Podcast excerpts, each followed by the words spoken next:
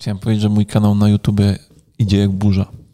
Super. Mam Ja 53 subskrybentów. To, to czekaj, No to idzie do przodu. Ja jak cię ostatnio subskrybowałem, to 54. miałeś 47, więc... Stary, no. Jak ty się nazywasz? Jakub Durczak. Jakub Dorczak.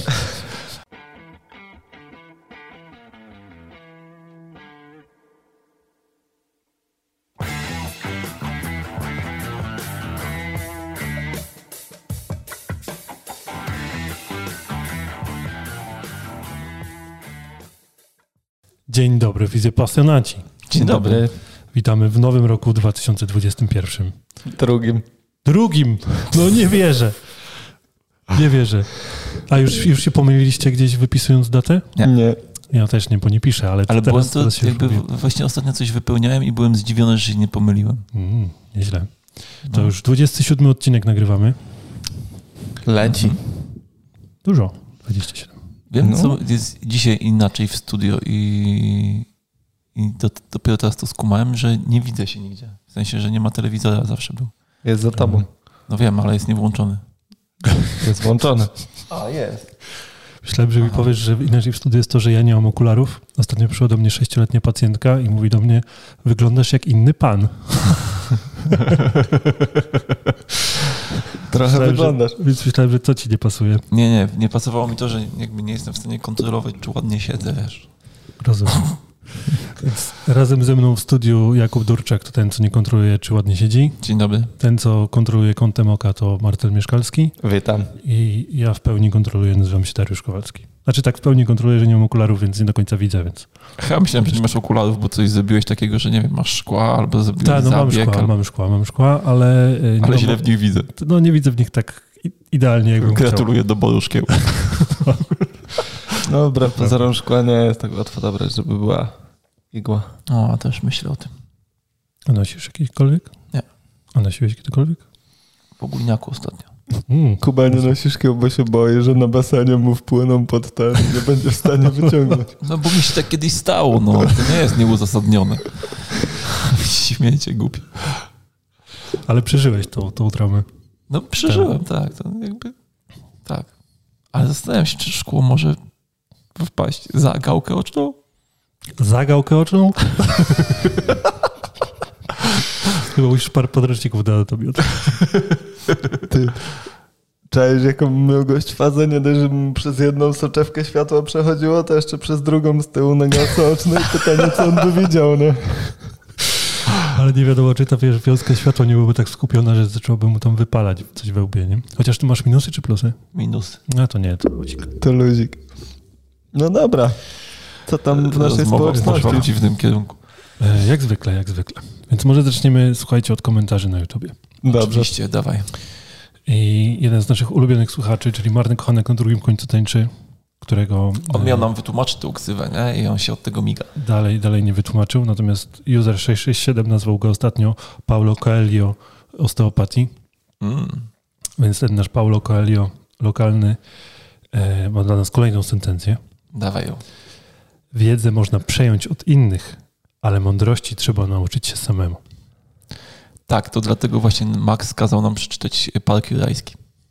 Tam jest e, na ten temat, że e, mm, jakby bardzo poważne rozważania są na ten temat, że wiedza, którą przejmujesz jako coś gotowego jest w pewnym sensie ukradziona, nie jest do końca twoja i stąd biorą się błędy w, posługiwaniu się tą wiedzą.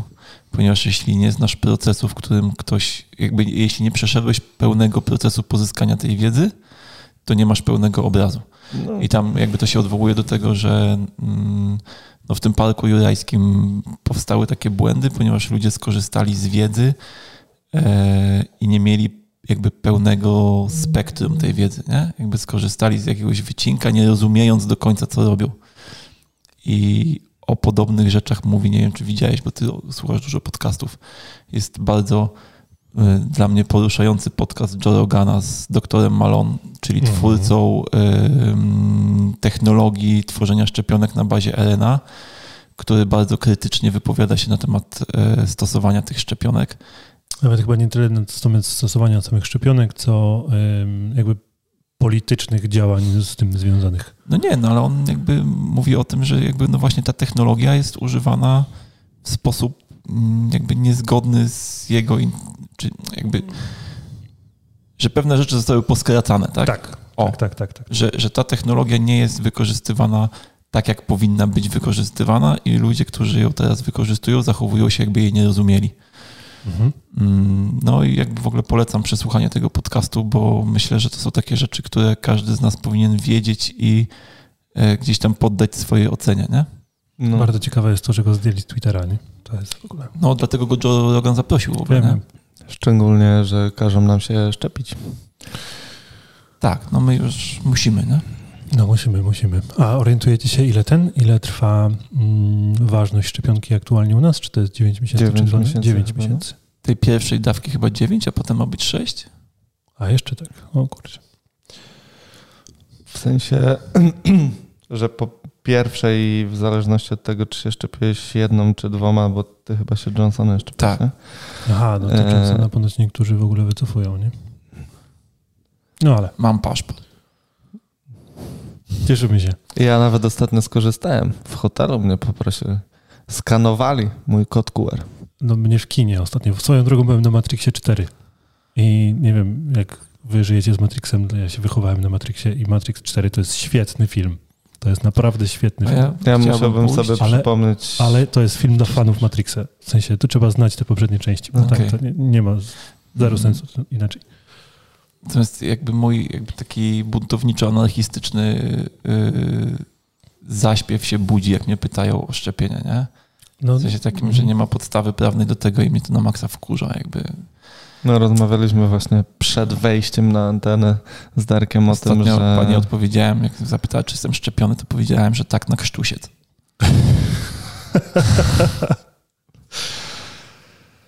To nie, ja mam bardzo podobne podejście. W sensie już nawet ym, nie wchodząc w dywagację na, na temat tego, jak skuteczna jest szczepionka, nawet zakładając, że jest bardzo, to uważam, że przymuszanie ludzi do tego to nie jest w ogóle droga.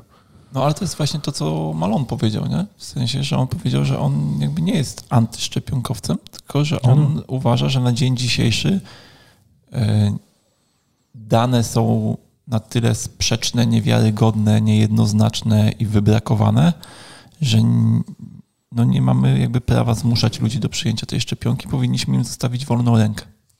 Przy czym też, co bardzo ciekawe i uważam, że ludzie powinni o tym wiedzieć, że jakby twórca technologii tworzenia tych szczepionek powiedział, że jako ojciec i dziadek mocno odradza szczepienie dzieci Mhm. tymi szczepionkami, nie? Że po prostu Prawda. jest y, bilans zysków i strat jest zbyt dyskusyjny.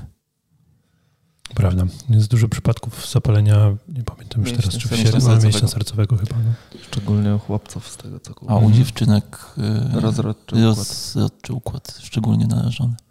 Tylko znowu, to są wstępne badania, nie? Tu nie ma żadnych Tak, tak, tak. To jakby, wiesz, Znaczy, Nawet- wszystkie badania są tutaj wstępne, tak? Zarówno za, jak i przeciw, więc... Tak, tak, tak. Ja zdaję sobie sprawę, nie? Wiesz co, to jest ciekawe, bo moja Justyna, jak z nią o tym rozmawiałem, zapytała jakby czemu jakby przyjmuje to, co on mówi Mhm.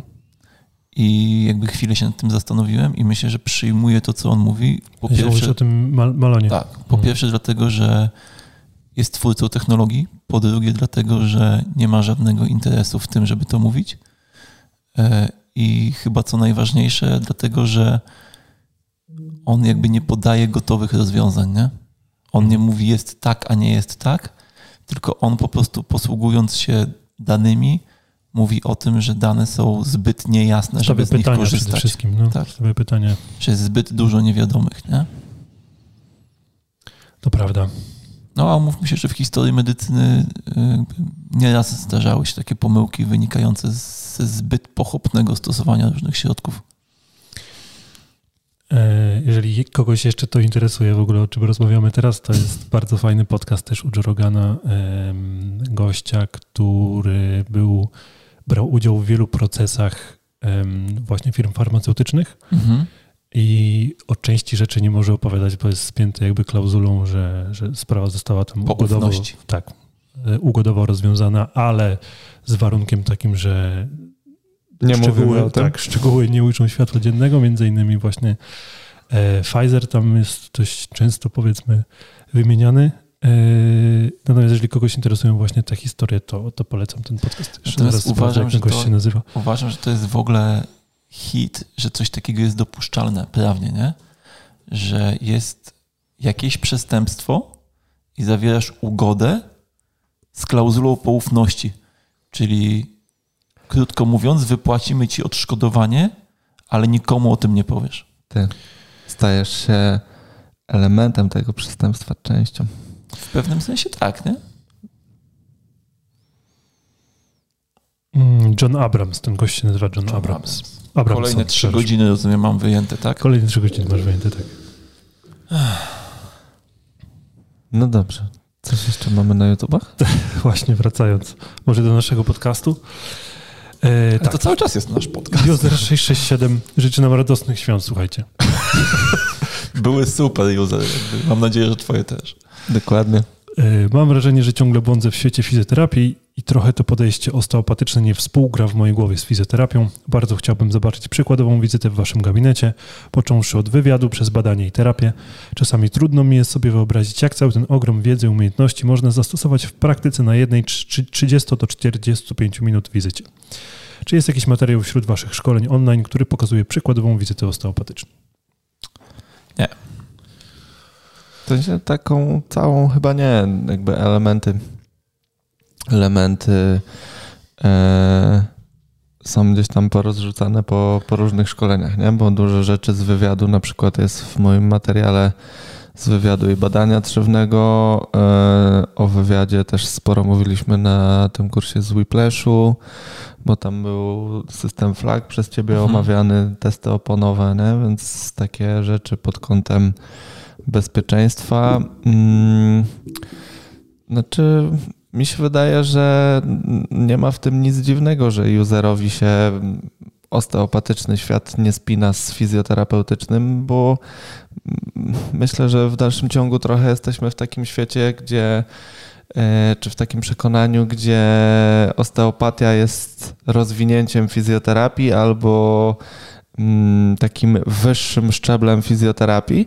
Natomiast no, trzeba sobie jasno powiedzieć, że to są dwa odrębne e, sposoby pracy i mm, myślę też, że w odniesieniu do, czy w kontekście tego, co aktualnie dzieje się w świecie fizjoterapii, jeśli chodzi o mm, odchodzenie od terapii hands-on w kierunku terapii hands-off i bardzo dużej edukacji pacjenta i pracy poprzez modulację jego aktywności. E, Ta granica między fizjoterapią a osteopatią będzie się coraz bardziej zaznaczać, nie? więc e, kwestia tego, że może ułatwieniem dla usera będzie mm, no, zainteresowanie się tym, czy osteopatia interesuje go na tyle, żeby trochę poza ramy fizjoterapeutycznej swojej dotychczasowej pracy wyjść i może wtedy będzie łatwiej, nie? Tylko kwestia Ale tego, tak czy myślisz, że, że ost- e, fizjoterapia rozwija się w tym kierunku, żeby... Znaczy, myślę, że najbliższe lata będą w ten sposób funkcjonować, nie? Trend... Będą y, decydujące. To tak jak y, na ojomach mówią, następne 24 godziny będą decydujące.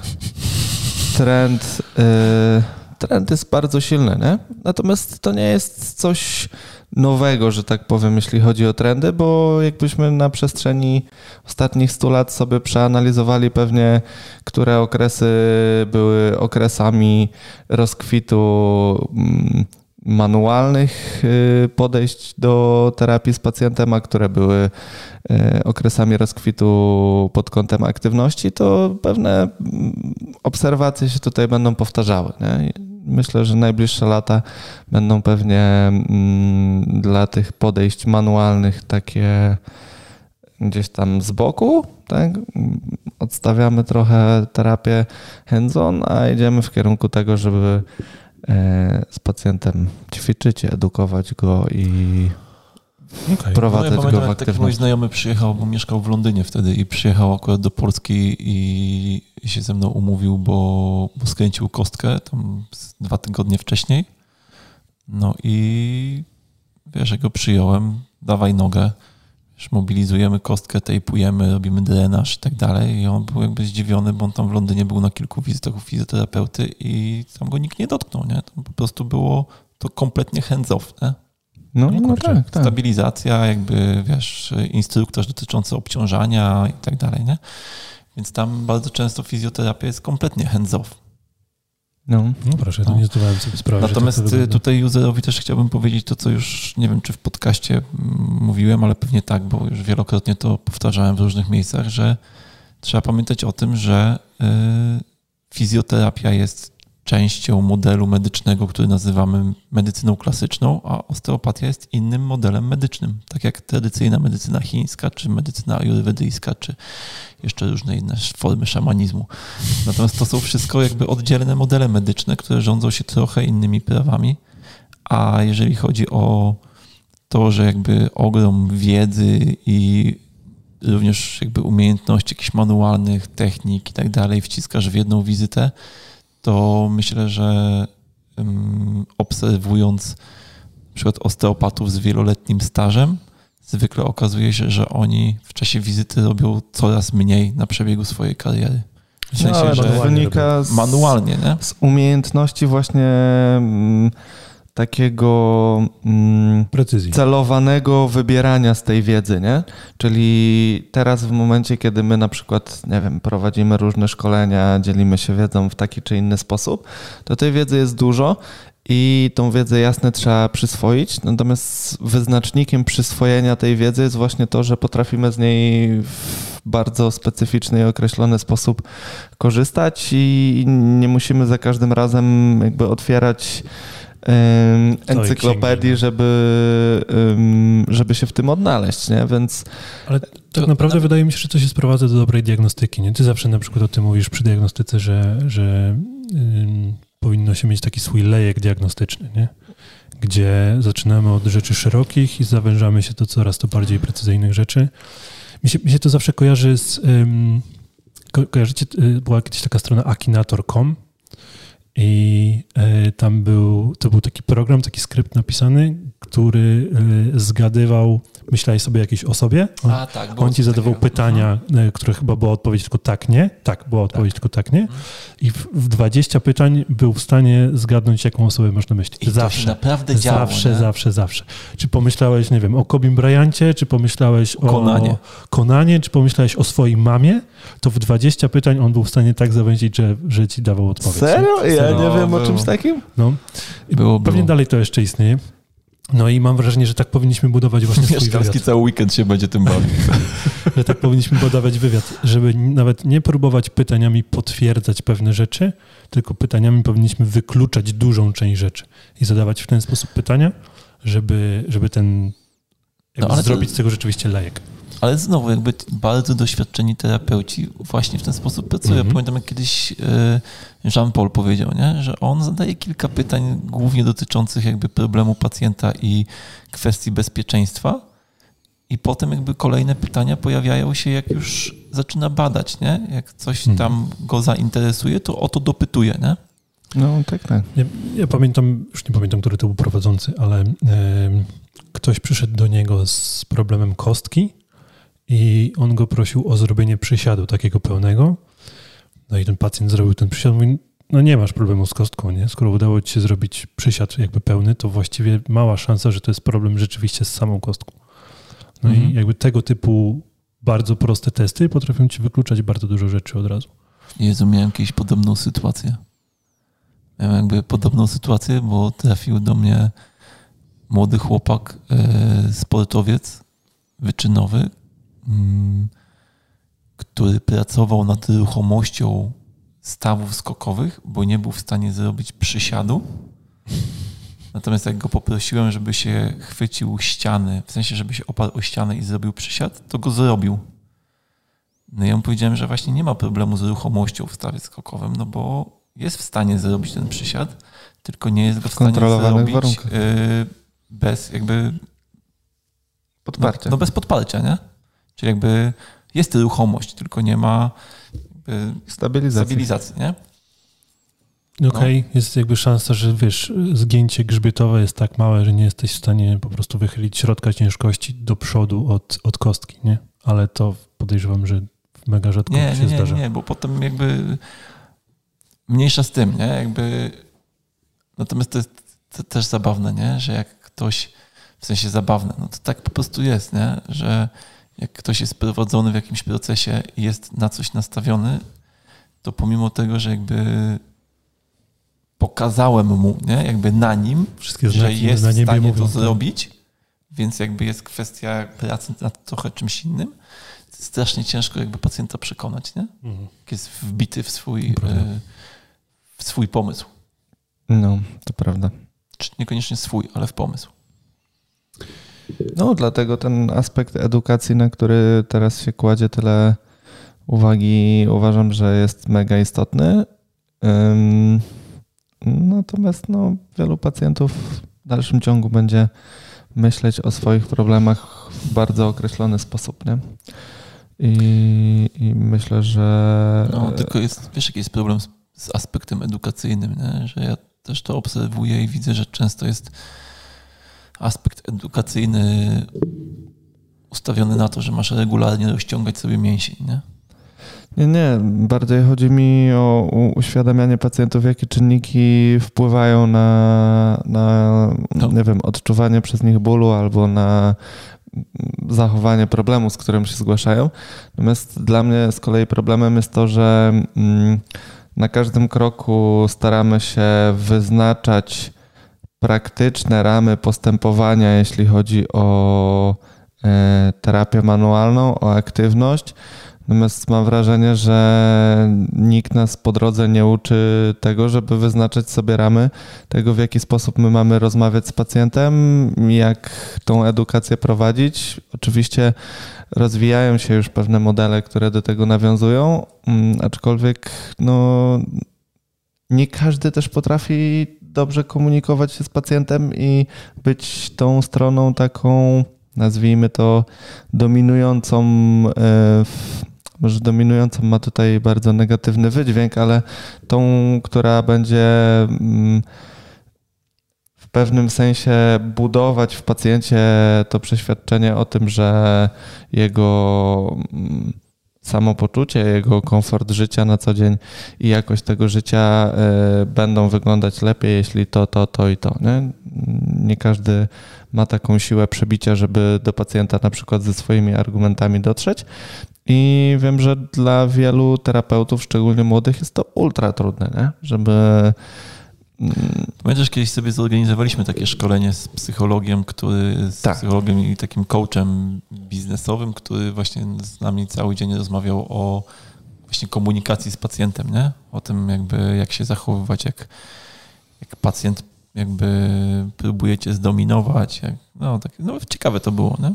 No oczywiście, nie, no ja z tego, ja z tego szkolenia przede wszystkim to, co sobie mocno wziąłem do serca, to to, że w ramach wywiadu nie zadaje, czy w ramach wywiadu, czy nawet w ramach terapii nie zadaje pacjentowi zamkniętych pytań na zasadzie odpowiedzi tak lub nie tylko i wyłącznie, bo często tak lub nie ucina pewien temat, a okazuje się, że jak wejdziemy trochę w mm, szczegóły danego tematu, to za tym tak lub nie kryją się ciekawe, wartościowe informacje. Nie? Więc staram się zadawać te pytania tak, żeby pacjent mógł mimo wszystko się wypowiedzieć. Ja uśmiecham się, bo yy, jak powiedziałeś o pytaniach, to tak mi się przypomniało, że zawsze mnie na maksa bawi. Ja nie umiem się wyzbyć tego zwyczaju. Powinienem jakby zadawać pytanie może inaczej. Natomiast yy, często jest tak, że jak ktoś przychodzi na jakąś tam drugą, trzecią wizytę, no to wiesz, ja sobie zaglądam w kartę, patrzę, z czym, z czym pracowaliśmy ostatnio i mówię, no, jak się pani czuje? Dziękuję, dobrze. Bo pacjenci w ogóle nie odnoszą często tego pytania do swojego problemu, tylko traktują to jako takie ogólne zajawienie rozmowy, nie? Tak. Albo, albo wiesz, pytam, ale jak, ja jak tak się pani zaczynam. czuje? I słyszę, no ostatnio miałem trochę katar, ale generalnie okej. Okay. No dobra, a jak z tym balkiem? tak, ale u mnie wygląda to tak samo. Ale to nie tak, że wszyscy pacjenci odpowiadają. Nie, nie wszyscy. no. Ale tak no 50-50 myślę. No ale zawsze mi to tak... Ale, to, Ale swoją drogą to jest też dla mnie y, jakąś informacją. Na zasadzie No. takiej, że Pacjent od razu nie wpada w swój problem. no, no, dokładnie. Ten problem nie jest aż tak świdrujący. Dokładnie. E, Drogi userze, jeżeli Cię interesuje, jak wygląda terapia w naszych gabinetach, to chyba najlepiej jak albo umówisz kogoś do naszego gabinetu i przyjdziesz z nim, albo przyjdziesz sam do, do naszego gabinetu. E, To jest Natomiast nie jest to zwykle fascynująca terapia. No, nie jest, nie. Ja często mówię, że, nie ma. że oglądanie osteopaty przy pracy to trochę jak oglądanie rosnącego trawnika, więc e, Po schnącej farby. moje terapie wyglądają na przykład bardzo podobnie do siebie często, nie? Tylko tyle, że w zależności od pacjenta dłużej lub krócej zatrzymuje się w różnych miejscach. Bo jakby ja mam jakąś tam swoją rutynę układania rąk na pacjencie, To tylko prawda, że Kuby wizyty wyglądają ostatnio bardzo podobnie. Większości z nich towarzyszy Oj, nie jest tak źle. Ale faktycznie Jest. bardzo dużo małych dzieci, bardzo dużo. Dobra, słuchajcie, Kasia do nas napisała. Kasia, która utrzymuje ten podcast przy życiu. Bardzo Ci dziękuję, Kasia. po raz kolejny. Tak, z kolei. Ym, Kasia będzie czuła taką presję na sobie niedługo. Jezu, muszę im coś napisać, bo nie będą mieli o czym gadać. Właśnie Kasia napisała, że w zeszłym roku zeszło nam półtora godziny, żeby odpowiedzieć na jej pytanie w Christmas Special i ma nadzieję, że tak nie, że nie nadużyje naszego czasu tym razem. Natomiast Kasiu, niestety spóźniłaś się o pół dnia ze swoimi pytaniami, żeby się z, Załapać na tak, Christmas Christmas Special. Więc... Dlatego Christmas Special w tym roku był wyjątkowo Tak. krótki. To prawda. Dlatego, dlatego brak, zabrakło nam tego półtora godziny twojego. Y, Zobaczymy, jak to wyjdzie dzisiaj. Czy on był po prostu możliwy do przesłuchania? Nie, ten, ta słuchalność tego Christmas Special była bardzo wysoka tak naprawdę. Mm, Proszę. Dobra, i teraz przechodzimy do pytań, a mamy ich aż trzy. Mówiliście o zasugerowaniu pacjentowi wizyty u psychologa i psychoterapeuty. Jak często i w jaki sposób sygna- sygnalizujecie to pacjentowi? Czy spotkaliście się z negatywną reakcją na waszą sugestię? Wydaje mi się, że wizyta u specjalisty od psychę ciągle y, wydaje się być stygmatyzowana w Polsce i interesują Kasię nasze doświadczenia. Pierwsze Nie pytanie. wiem. Jak często? Nie wiem, jak często, to jakby nie pacjentowi? Ciężko mi powiedzieć, jak często. Wtedy, kiedy uważam, że jest taka potrzeba, ale jak często to się zdarza, no myślę, że Ale to nie jest tak, że co drugiemu pacjentowi No nie, coś no, takiego się sugeruje. oczywiście, że To nie nie. jest tak, że nie wiem, nie, nie zdarza mi się na pewno codziennie czegoś takiego pacjentowi sugerować. No ja właśnie o tym myślę. Ja myślę, że no nie wiem, myślę, że jest to procent, nie? Nie kilkanaście procent wizyt, tylko procent wizyt. Procent wizyt, tak, zgadzam się, 100% wizyt.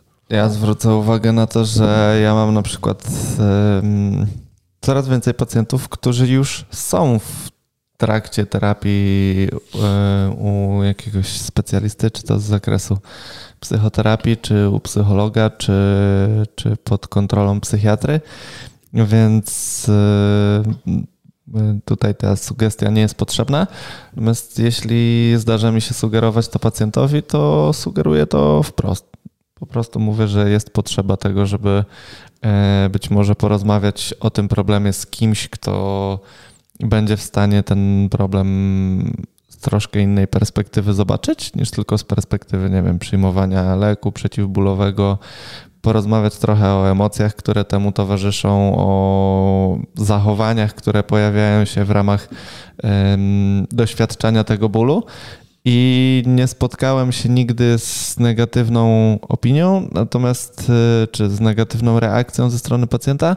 Natomiast ja też zawsze mówię pacjentom, że to jest sugestia z mojej strony i proszę nad tą sugestią się pochylić i zastanowić się, czy y, jest na to przestrzeń i, i wewnętrzna potrzeba u pacjenta, no bo jeżeli pacjent jest święcie przekonany, że jemu rozmowa z psychoterapeutą mm, nie jest w stanie niczego tutaj zmienić, jeśli chodzi o jego dolegliwości, to prawdopodobnie będzie to jednorazowe spotkanie z tym psychoterapeutą i wiadomo, że nic się w ramach Ja- tego spotkania Ja też się nie spotkałem z, jakby z negatywną reakcją, natomiast w sytuacjach, kiedy mam wrażenie, że mogłoby się to spotkać z negatywną reakcją, to staram się ten temat trochę zmiękczyć. Nie? W taki sposób, że, jakby, że psychoterapia jest teraz bardziej popularna, że właściwie jakby każdy, każdy mógłby na tym skorzystać, a że akurat to jest taka sytuacja, gdzie uważam, że pan, pani mogłaby na tym skorzystać sporo z tej, z tej czy innej przyczyny i tak dalej i wtedy, wtedy jakoś to przychodzi kładko, mam wrażenie. Wiesz co, ja też wchodzę czasem w taką rozmowę, że jeżeli tam się pojawia na przykład powiedzmy aspekt emocjonalny u tego pacjenta, to mówię, że jakby ten aspekt emocjonalny jest, e, jest bodźcem stresowym, że, że jakby odpowiedź na stres jest zawsze taka sama, nieważne jakby jaki jest bodziec i że można z tym stresem pracować. I zwykle, wiesz, zagajam taką rozmowę na zasadzie, że bez sensu jest komuś powiedzieć, że ma się mniej stresować, no bo to ewentualnie można kogoś wkurwić takim stwierdzeniem, e, w sensie taką, taką radą. Natomiast, że można do tego podejść jakby w pewien sposób systemowo i albo nauczyć się rozładowywać te negatywne efekty stresu poprzez aktywność fizyczną, ćwiczenia relaksacyjne, oddechowe i tak dalej, ale można też podejść do tego od tej strony, żeby zmienić swoje podejście do stresującej sytuacji. No bo jak wiemy, są ludzie, którzy się mniej różnymi rzeczami przejmują i tacy, którzy się bardziej tym przejmują. I że jeżeli nie umiemy tego zrobić sami, to są specjaliści, czyli psycholo, psychoterapeuci, którzy uczą jakby zmiany tego podejścia, nie? I wtedy to jakby zupełnie Wjeżdża. gładko wchodzi, nie? Mhm. Drugie pytanie. Czy nie, czy nie uważacie, że jako grupa zawodowa, w nawiasie bardzo ambitna, zaczynamy mieć tendencję do wychodzenia poza swoje kompetencje i kiedy wydaje nam się, że interwencja się udała, to włącza się syndrom Boga. Szczególnie, jak wspominaliśmy wcześniej w jakimś podcaście, w kwestii rozwiązywania problemów prywatnych pacjenta. Gdzie jest granica między próbą pracy holistycznej, a pozostania w naszych terapeutycznych ramach? Ja chyba nie do końca rozumiem to pytanie. Pytanie jest, bo rozmawialiśmy, Kuba, że y, jest taka tendencja, żeby właśnie pacjentom wytykać jakby ich problemy emocjonalne i powiedzieć, że my im to rozwiążemy, powiedzmy tu i teraz. Przy takiej pracy psycho, psychosomatycznej i tak dalej, i tak dalej, nie? O, okay. Czy raczej somatopsychicznej. Czy ja nie e, robię takiej pracy, więc ciężko mi jest się ustosunkować. E, natomiast czy, czy ja uważam, że włącza nam się syndrom Boga jako, jako mm, całej profesji? Uważam, że jako osteopatą na pewno, tak? Znam bardzo wielu osteopatów z syndromem Boga i to na pewno nie jest coś, co mi się podoba. U fizjoterapeutów mam wrażenie, też znam paru oczywiście, którzy mają syndrom Boga, natomiast nie widzę tego jako takiej ogólnej tendencji. No, a gdzie leży granica między pracą holistyczną a pozostania w terapeutycznych ramach, to myślę, że tam, gdzie granica naszych kompetencji, nie? bo zupełnie co innego można, jakby nie ma problemu w ingerowaniu, w, jak to Kasiu nazwałaś, w prywatne problemy pacjenta, jeżeli wiem, co robię, nie? jeżeli mam jakieś tam wiedzę na temat psychologii i, i, czy podobnych rzeczy, czyli mieści się to w moich kompetencjach, no to nie mam z tym raczej problemu, żeby coś takiego robić. Natomiast ja nie mam takich kompetencji, więc takich rzeczy po prostu nie robię.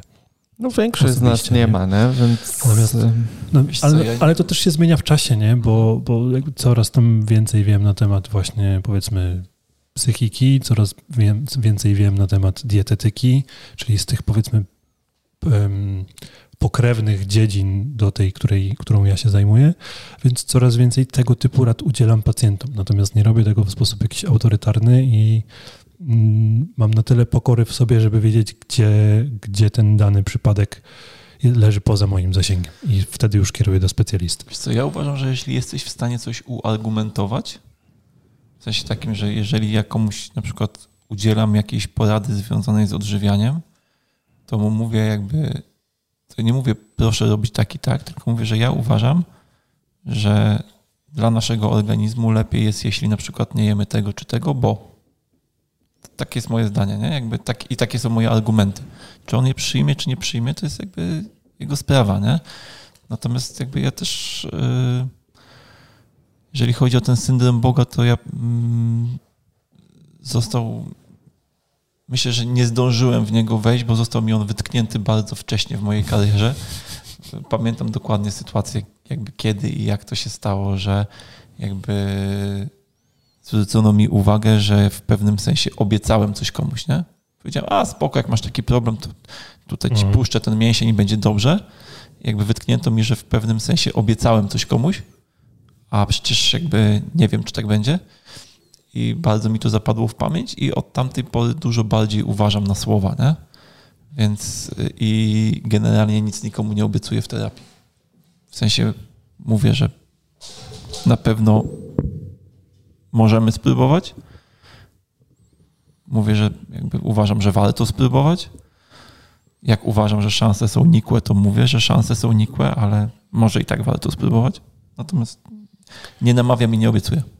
Ale jeszcze co do tego syndromu Boga, to się zastanawiam, czy to nie jest i wychodzenie jakby poza nasze ramy terapeutyczne, to myślę, że to jest tak jak z tym, no, zawsze zapominam jak ten efekt się nazywa, ale że im mniej wiesz o danym temacie, tym masz większe przeświadczenie, że wiesz dużo, a im bardziej zgłębiasz temat, to się dowiadujesz, jak mało wiesz. Więc mhm.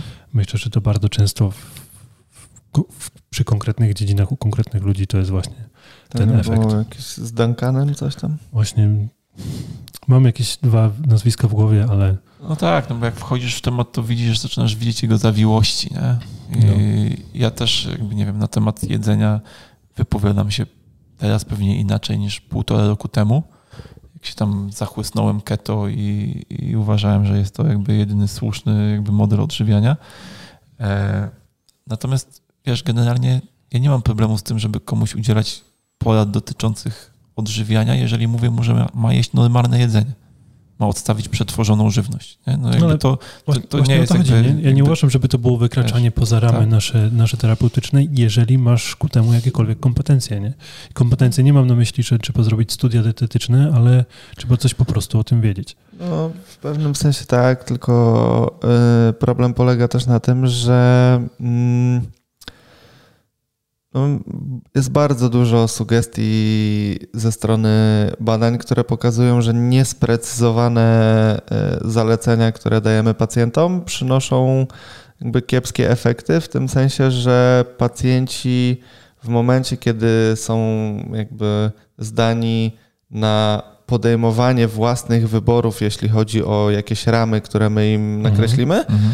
to gorzej przechodzą jakiś tam proces, nie? Czyli y, z perspektywy pacjenta, który ma zasoby do tego, żeby samodzielnie w te ogólne ramy narzucone, czy tam zasugerowane przez nas wejść, y, być może ten proces terapeutyczny i ta y, porada, sugestia będzie wystarczająca, natomiast u wielu, żeby nie powiedzieć większości pacjentów, dopóki ktoś tych ram ściśle, przynajmniej na początku tego procesu, nie mm, wyznaczy, to pacjentowi ciężko będzie się w tym odnaleźć. Dlatego zazwyczaj mhm. pacjenci bardzo szybko z tego zrezygnują.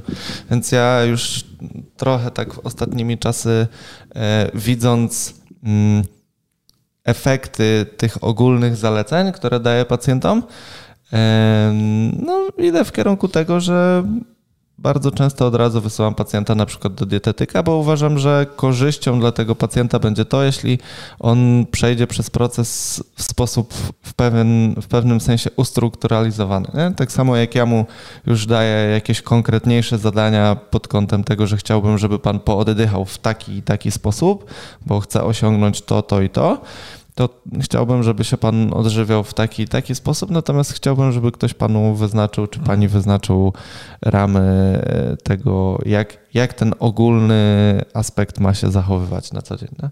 Myślę, że pacjentom jest wtedy łatwiej. No jasne, no ale to jest, to jest to, o czym mówię, jakby żeby dostosować to do swoich kompetencji i przypadku danego pacjenta. Nie? No. Czyli jeżeli czuję, że pacjent, że nie wystarczy powiedzieć pacjentowi, żeby na przykład nie oglądał telewizji przy jedzeniu, bo to u wielu ludzi na przykład zmienia bardzo dużo, jeśli chodzi o trawienie. No pewnie. To yy, jeżeli takie proste rady, które ja mogę zadać, to jakby nie trafią, albo widzę, że pacjent nie jest w stanie sam, powie, jak mu powiem, że powinien jeść mniej cukrów, to on nie jest w stanie tego pojąć, no bo mało który pacjent wie tak naprawdę, co to są cukry, gdzie są cukry i tak dalej, to ja jakby ja nie czuję się na tyle kompetentny, żeby układać komuś zbilansowaną dietę, więc jeżeli mam poczucie, że pacjent potrzebuje mieć dokładnie ułożoną dietę, no to wtedy go oczywiście odsyłam. Nie? Jasne. I trzecie pytanie od Kasi. E, czy macie jakieś nietypowe marzenia zawodowe na nadchodzący rok albo następne lata? Czy macie jakiś projekt, marzenie, które chcielibyście zrealizować, żeby nadać trochę kierunku? O co mi chodzi? Pamiętam, jak widziałam, że m.in. Marcin Brzozowski był z innymi terapeutami w Kirgistanie i tam udzielali terapii. Pomyślałem wtedy, że to mega odjechany projekt w bardzo pozytywnym sensie. Wiem, że platforma PhysioPassion to coś mega dużego, ale i tak pewnie coś wam siedzi w głowach. Czym nas zaskoczycie? Ja w tym roku mam zamiar napisać książkę. To jest mój projekt. i cały czas mi chodzi po głowie e, to, tylko nie widzę tego czasowo jakby przez w sensie, no nie widzę tego czasowo na razie, natomiast cały czas mi chodzi po głowie jakiś taki wyjazd szkoleniowy, ale nie w formie szkolenia, tylko bardziej w formie jakiejś takiej warsztatowej, żeby po prostu gdzieś sobie wynająć jakąś agroturystykę i pojechać z fizjopasjonatami na weekend do agroturystyki i zrobić taki warsztatowo-edukacyjny weekend, ale nie na zasadzie takiej, że nie wiem, robimy skoliozy okiem osteopaty czy czwarty moduł e, terapii manualnej Marcela, tylko bardziej może wiesz, na, róż, na, na różne tematy, nie? No tak w luźniejszej formie, nie? Dopasowany do uczestników, tak? No, kiedyś, kiedyś byłem, e, kiedyś mnie zaprosili na, na, na coś takiego. E, Piotr Karasymowicz zorganizował pod Łomżą taki weekend. To wyglądało tak, że się zjechaliśmy w piątek po południu, zrobiliśmy sobie małą imprezkę. W sobotę ja poprowadziłem jeden warsztat przed obiadem, drugi warsztat po obiedzie. W niedzielę po śniadaniu poprowadziłem jeszcze jeden warsztat. No i się rozjechaliśmy, nie? I bardzo fajnie to było. Te warsztaty były na świeżym powietrzu i taki bardzo przyjemny klimat. Fajny przyjemny pomysł. pomysł, no. Jak mnie zaprosisz, to pojadę. No, jakby chętnie coś takiego bym kiedyś zorganizował, tylko, tylko czas. E, ja na pewno chciałbym ruszyć z tym moim autorskim szkoleniem na temat pozycyjnego uwalniania. Co prawda jedno już się odbyło w zeszłym roku, ale w tym roku myślę, że udałoby się to zorganizować trochę większą skalę. E, to na nadchodzący rok, a na następne lata nic jeszcze konkretnego tak bardzo nie mam. Ja zawodowo mam bardzo dużo rzeczy w głowie, natomiast bardzo nieuporządkowanych. Natomiast w związku z tym, że ja mam bardzo ambitne pozazawodowe, w sensie prywatne plany na ten rok, to raczej e, nie robię sobie dużej presji z planami zawodowymi. E, ostatni rok był bardzo, bardzo, bardzo intensywny dla mnie i mam wrażenie, że jeszcze odtajam po, e, po 2021, więc nie mam tutaj jakichś takich bardzo ukierunkowanych e, myśli, jeśli chodzi o, o działania. No ja w tym roku jeszcze planuję w końcu zrealizować miesięczny urlop. Przy okazji prywatnych planów to jeszcze mam zaplanowane wesele, w sensie ślub i wesele. E, no i od dwóch lat już, to jest trzeci rok, kiedy planuję ten miesięczny urlop bo najpierw go zaplanowałem na 2020, ale była pandemia i stwierdziłem, że może to nie jest wiesz, najlepszy moment na miesięczny urlop, bo, e, no, wiadomo, były Dużo kwestie zmienić, no. ekonomiczne no. i tak dalej. I stwierdziłem, że jakby chyba nie czuję się na tyle pewnie. W zeszłym roku, jak e, też go zaplanowałem, ale potem odpaliły szkolenia stacjonarne i tak się trochę na to wszyscy chyba rzuciliśmy, że, że się zaczęły znowu szkolenia stacjonarne i jakby przyjąłem, nie myśląc o tym, wszystkie propozycje, które dostałem i po prostu nie było przestrzeni na ten jakby taki długi miesięczny urlop. No i w tym roku chyba się w końcu uda. Ej, a ty nie byłeś w tamtym roku cały lipiec na urlopie? Nie, dwa tygodnie. A. Tak, tak się zapowiadał, że będzie, ale nie. No nie, nie, bo tam właśnie poumawiałem sobie jakby w ferworze walki wpisałem sobie szkolenia w grafiki, potem się zorientowałem, że przecież miałem sobie lipiec zostawić, ale już ludzie byli pozapisywani i, i tak to zostało. Kasia ma jeszcze plany na koniec. Dzięki bardzo za ten rok. Jest to zawsze super przyjemność móc Was posłuchać i uczyć się od Was. Dzięki za super poziom i humor podczas podcastów. Całe przyjemność Miło, po naszej stronie. Dziękujemy. Dobra. Eee, drogi Marcelu, ja bym chciał się dowiedzieć, dlaczego Facebook nam ściąga e, posty albo produkty e, i pisze, że dlatego, że nagość promujemy tam. Serio? Tak, tak, też dostaję te maile. Dostaję takie maile właśnie, że, że, że, produkt nie został dopuszczony. Tak, nie spełnia tam no, czegoś. Tam. Zazwyczaj jest to kwestia tego, że w obrazkach, y, które są wykorzystywane w naszych webinarowych produktach jest ktoś na przykład z gołą ręką albo z nogą gołą do kolana. I, mm, algorytmy Facebooka, czy też filtry Facebooka interpretują to jako promowanie na gości, więc... Ale to nawet nie trzeba promować na gości. Promujemy. Ja kiedyś wrzuciłem zdjęcie, jak e, manipuluje kręgosłup piersiowy ubranej pacjentce i post był o tym, że takie bóle w klatce piersiowej, e, jeżeli kardiologicznie, jakby bóle w klatce piersiowej, a nawet takie uczucia tam kołatania i tak dalej, jeżeli pacjent jest kardiologicznie przebadany i zdrowy, to mogą być po prostu e, efektem jakichś problemów z kręgosłupem. I Facebook mi zdjął ten post i go konsekwentnie nie wpuścił, bo powiedział, napisał mi, że. Szerzysz dezinformację. Że co? Że szerzysz dezinformację. Nie, nie, nie. E, że pewne, oso- że, nie, że pewne osoby z różnymi problemami zdrowotnymi mogą się poczuć urażone tymi treściami. No, dlatego. What? No, what?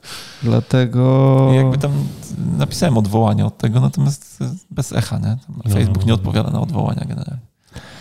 No, wiecie, Facebooka już bardzo wiele instytucji ingeruje, nawet sam fakt tego, co ostatnio mówiłeś, że tak. wszystkie wpisy, w których pojawia się cokolwiek covidowego, to no. pojawia się odnośnik Link do informacji covidowej, rządowej. Tak. Dobra, to z trochę e, bardziej wesołym tematem przechodzimy do Ignobli. No. Który rok? 2006 e, rok, Antynoble z dziedziny medycyny tym razem. No, naszej ulubionej. Już nie mogę się doczekać. Tak. E, dostał tę nagrodę pan Francis Fessmeyer z Uniwersytetu w Tennessee, College of Medicine. E, albo najpierw jak wam przeczytam o co chodzi. Albo nie, przeczytam wam najpierw e, tytuł po angielsku. Tytuł pracy. Termination of intractable hiccups with digital rectal massage. I teraz, jak zobaczyłem ten tytuł, sobie myślę, co to znaczy digital rectal massage? Wiem, że to się może wydać chore, ale to? ja chyba wiem. Ale zaraz rozwinę ten temat, no. dlaczego no. to wiem.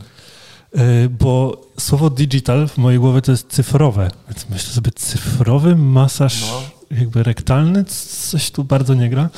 A zapomniałem, że digit to jest też palec po prostu. A no tak.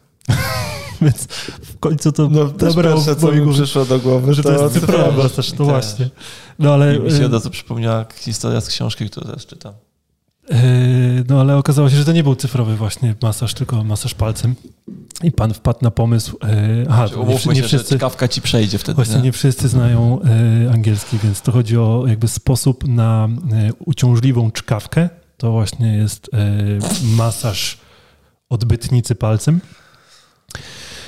I skąd to się wzięło? No pan po prostu. A pan przeczytał najpierw jakąś pracę pana Roberge, a raczej całego zespołu, który mu dowodził. E, I Etal był też, Kuba.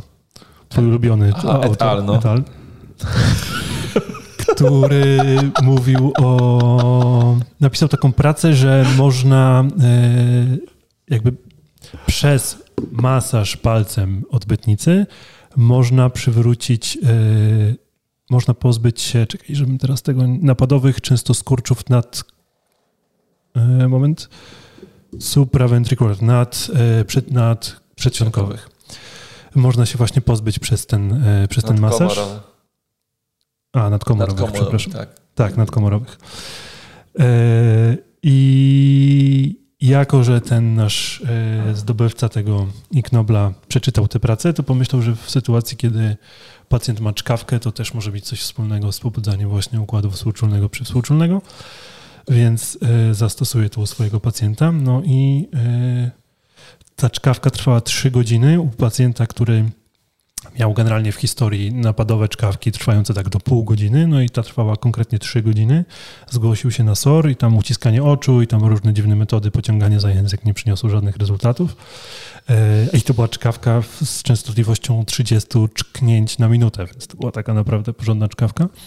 Grubo. I wszystko, Dobra cała, częstotliwość. Cała ta reszta tych różnych manewrów przynosiła po prostu obniżenie tych, tej częstotliwości do 15 na minutę.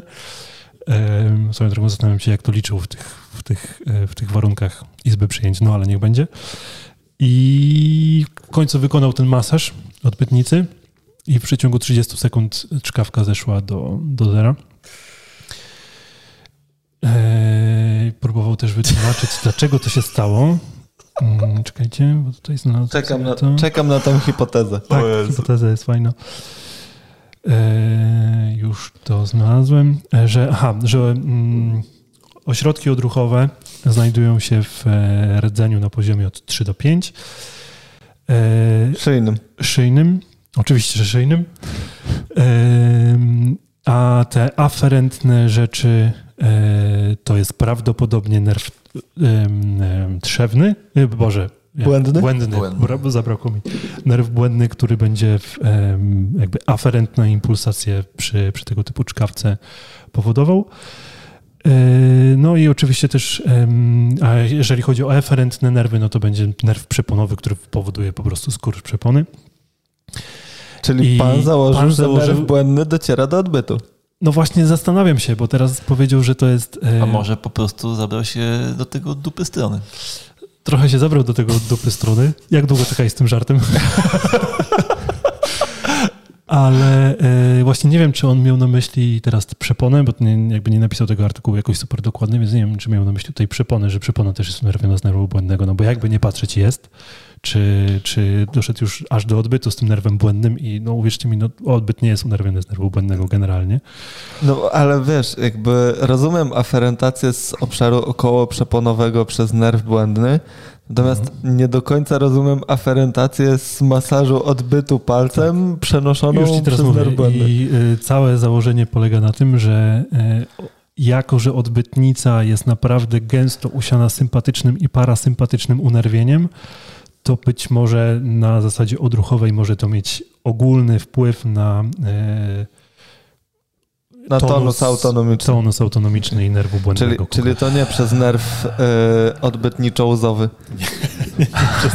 Nie Bo przez... jakbyście Ale się zastanawiali, jaki jest najdłuższy nerw w ludzkim ciele, to odbytniczo-łzowy, tak? Tak. Jakby to nie nerw błędny. Ale musisz wytłumaczyć, bo to tak, wiesz... To Poci- udowodnili Pociągasz za włosek w rosyjscy- okolicy odbytu i lecą ci łzy, no proste. Jest też w drugą stronę, ale to już pominiemy. Natomiast, Okej. natomiast e, no nie no, umówmy się, że jakby ja wierzę w to, że temu panu przeszło, nie? Znaczy, ja W też nie podważam w ogóle Ja tego badania. Tak. A co, znaczy mówisz tak, jakbyś miał doświadczenie. Nie, nie, nie. Natomiast no, no wierzę, nie? Jakby, że skupił uwagę na czymś innym po prostu. Aczkolwiek, gdybym znał tą technikę, to mógłbym może kiedyś komuś pomóc, bo byłem świadkiem takiej sytuacji, że y, pewna osoba miała taki napad czkawki, który nie przechodził i zmęczył ją do tego stopnia, że zasnęła i śpiąc czkała dalej. No, Musiała być super impreza.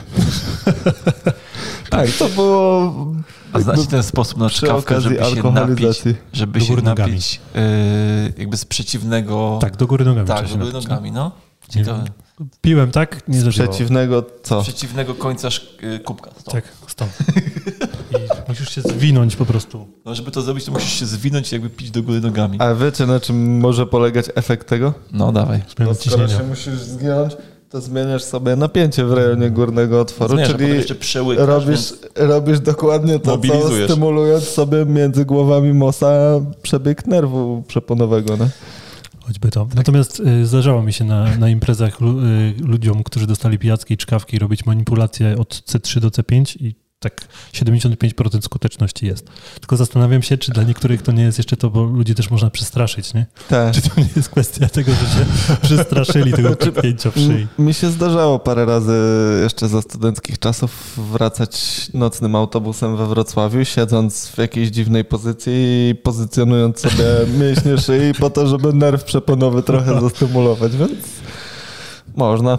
No, natomiast jeszcze co ciekawe e, z tym antynoblem, e, jak otworzyłem artykuł, to zaraz pojawił się artykuł bardzo podobny o mm, usuwaniu często skurczu komorowego, tym razem przez, e, przez dokładnie ten sam masaż.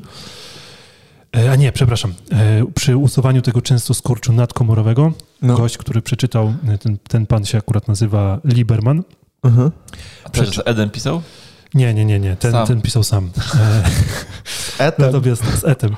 Natomiast e, właśnie przeczytał ten e, poprzedni artykuł tego ETA No. o, o właśnie tym sposobie tego masażu rektalnego i postanowił zastosować to u swojej pacjentki, kiedy inne tam metody nie działały. I mówi, że się przestraszył, bo spowodował u pacjentki przez to właśnie często, często, często skurcz komorowy. A często skurcz komorowy to już nie jest wcale taki No nie. przyjemna rzecz, bo od tego do migotania komór to już jest dość niedaleko. A od Ale- migotania komór to... Ale. E, ale co? Aha, no ale potrwało to tam nie kilkanaście sekund chyba i pacjentko, pacjentce przeszły właśnie. Prze, przesz, przeszły wszystkie objawy tam łącznie z e, palpitacjami, zaburzeniami oddechu i nerwowością. I co, co ciekawe napisał to, że Ale te nerwowość przeszła u pacjentki i u niego. Także tak. Słuchajcie. Jakby w dobie ogromnej ilości pacjentów z dysautonomią myślę, że właśnie Nie idźmy tam. odkryliśmy mm, taki złoty standard postępowania Zapomniana wiedza, Marta. Jeś, jeśli chodzi o. Bo słuchajcie, pacjentowi można powiedzieć, że sobie pooddychał w dolne żebra, większość tego nie zrobi, ale przy tego typu działaniu podjętym tu i teraz. Bez ostrzeżenia. Mistrzowskie narzędzie, naprawdę. Trzeba to prowadzić. Ja jestem ciekawy, jeśli nasz y, wierny słuchacz, dr Marek, kardiolog, y, będzie słuchał tego podcastu, czy podeśle mi jakieś swoje przemyślenia, może zna y, swoją drogą jakieś historyczne odniesienia do Swoją drogą, ja nie tej wiem, może to metody jest terapii. wiesz, y, często wykonywana praktyka. W sumie nie, nie zgłębiałem tego tematu. Może to jest teraz, wiesz, z- z- działanie z wyboru przy takich rzeczach. Przy czym ciekawy jest wybór słowa zgłębiałem. Jeszcze jakiś żart? Jeszcze coś chcesz? Potrzebujesz się wystrzelać? Dobra, to jak jesteś taki do przodu, to gdzie nas słuchać, Kuba? Wszędzie. Wszędzie. Gdzie chcecie. W kuchni, w aucie, w, sypialni, w dużym pokoju. Gdzie chcecie. Na rowerze, na spacerze. Tak, przy treningu, do snu, Tak. na obudzenie i na różnych serwisach internetowych. Wszystkich. No, z grubsza wszystkich możemy skończyć na tym, że wszystkich. W sumie już nas słuchacie, to już wiecie, jak nas słuchać. Dobrze, wybrnąłeś. A co nowego w Fizjopaszyn, Marcel? Co nowego w Physiopassion? Właśnie e, przygotowujemy się z Kubą do jego webinaru na temat gotowania, czyli ogólnej terapii osteopatycznej. Webinar będzie w Piątelo e, 21 stycznia o godzinie 18.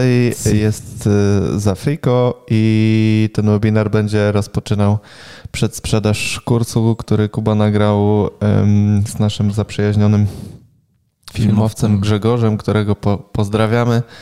E, materiał wyszedł super, więc e, wspólnie z tym webinarem wprowadzającym myślę, że będzie to solidna dawka wiedzy i umiejętności, na które oczywiście zapraszamy. E, ta przedsprzedaż rusza 21, więc jeżeli ktoś będzie słuchał tego webinaru jeszcze przed 21, to warto sobie wrzucić w kalendarz. No i oczywiście Nie, ale webinar zapraszamy. jest 21. No i przedsprzedaż też rusza 21. Powiedziałeś, jeśli ktoś będzie słuchał tego webinaru, przy, A, podcastu. podcastu. Tak, chodziło mi o podcast. Jeśli ktoś będzie słuchał tego podcastu przed 21, to warto sobie wrzucić w kalendarz, że tego 21 mamy webinar wieczorkiem, więc przystępnie. Zapraszamy. Tak, zapraszamy. A ja, y, jeśli mogę taką prywatę, to y, zacząłem dzielić się swoimi różnymi przemyśleniami na YouTubie. I, I ma już 54 Dobrze, subskrybentów. 54 subskrybentów i na tak, na Jakub, po- pod hasłem Jakub Durczek na YouTubie można znaleźć mój kanał. Tak, musicie polubić. Ja polubiłem go 15 minut temu Subskrybować. i moje życie się zmieniło o 180 stopni. Widzę. Tak. Co Trochę będzie, co 15. będzie, jak odpali którykolwiek z filmów Tak, na tym kanale? Szok i niedowierzanie. Em, to wszystko z nowości? A ja dzisiaj A, a robię... ile byś chciał? Ja dzisiaj robię wykład na temat stanu zapalnego. Gdzie? Dzisiaj robisz. No a, no tak, Darek robi dzisiaj dla Akademii Physiopassion A, e, webinar z cyklu Zapytaj eksperta. E, Darek będzie ekspertem od e, zdradzania nam tajników stanu zapalnego i, i gojenia, więc dużo praktycznych rzeczy mm, od tej strony takiej fizjologicznej i wiedzowej.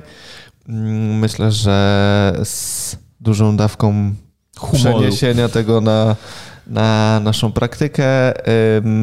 Nie będziemy na tym webinarze prezentować e, techniki opisanej w dzisiejszym Iknoglu. Iknoblu, także jakby ktoś, ktoś się zastanawiał, to nie. Ja, ale dobrze się złożyło, że miałem okazję podobny temat przedstawiać na tym Już szkoleniu. widziałem, że przeczytowałeś prezentacją. Szkoleniu, właśnie na tym szkoleniu stacjonarnym, które robiłem, bo e, zresztą jak byliśmy tam na miejscu, to z Kubą dywagowaliśmy nad tym, dlaczego ten wykład mi się nie udał akurat.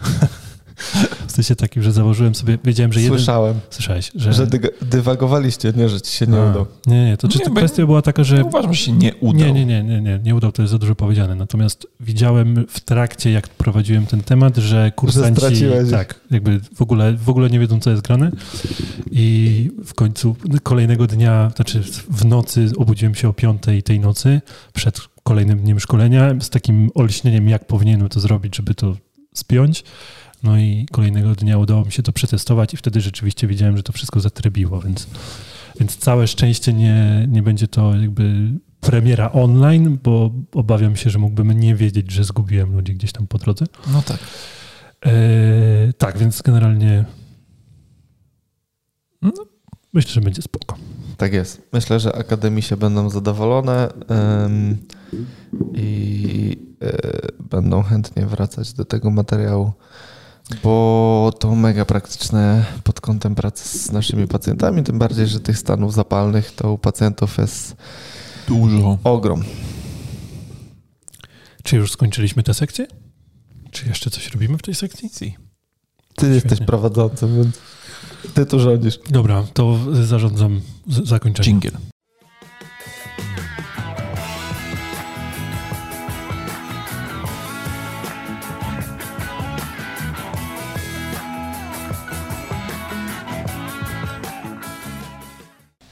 Kącik gabinetowy. Tydym. Jakub Durczak ponoć będzie go toczył. No, mogę powiedzieć, bo ostatnio napisałem, wymyśliłem sobie w ogóle taki, taki cykl postów z gabinetu osteopaty i pierwszy post napisałem e, takie moje przemyślenia na temat pacjentów, którzy mają nierealne oczekiwania w stosunku do terapii Em, i, i spotkał się ten post z bardzo dużym odzewem, więc widocznie jest to ciekawy temat dla ludzi. I chciałem opowiedzieć taką historię, że przyszła pani z silnym bólem lędźwi, takim mocno utrudniającym życie, e, z takim, no moim zdaniem, już mocno emocjonalnym też aspektem dotyczącym tego bólu. No w sensie takim, że e, no, zmęczona po prostu tym bólem, zmęczona tym, że on jej utrudnia funkcjonowanie, że Bo trwał. bo trwał miesiące. 6 miesięcy. Sześć 6 miesięcy. Bo utrudnia jej również współżycie z mężem, bo po prostu te plecy bolą, więc jakby jest to trudne. E, No i taka była już widać zmęczona, rozżalona, ze łzami w oczach trochę. No i ja normalnie wywiad, terapia i zacząłem z nią rozmawiać. Skończyłem zabieg i To co ważne, może jeszcze dodam, że pani już przeszła jakąś Aha, no tak, terapię, tak, tak, tak, przepraszam, że pani była już u kilku terapeutów, wzięła dwie serie zastrzyków i generalnie bez efektu wszystko.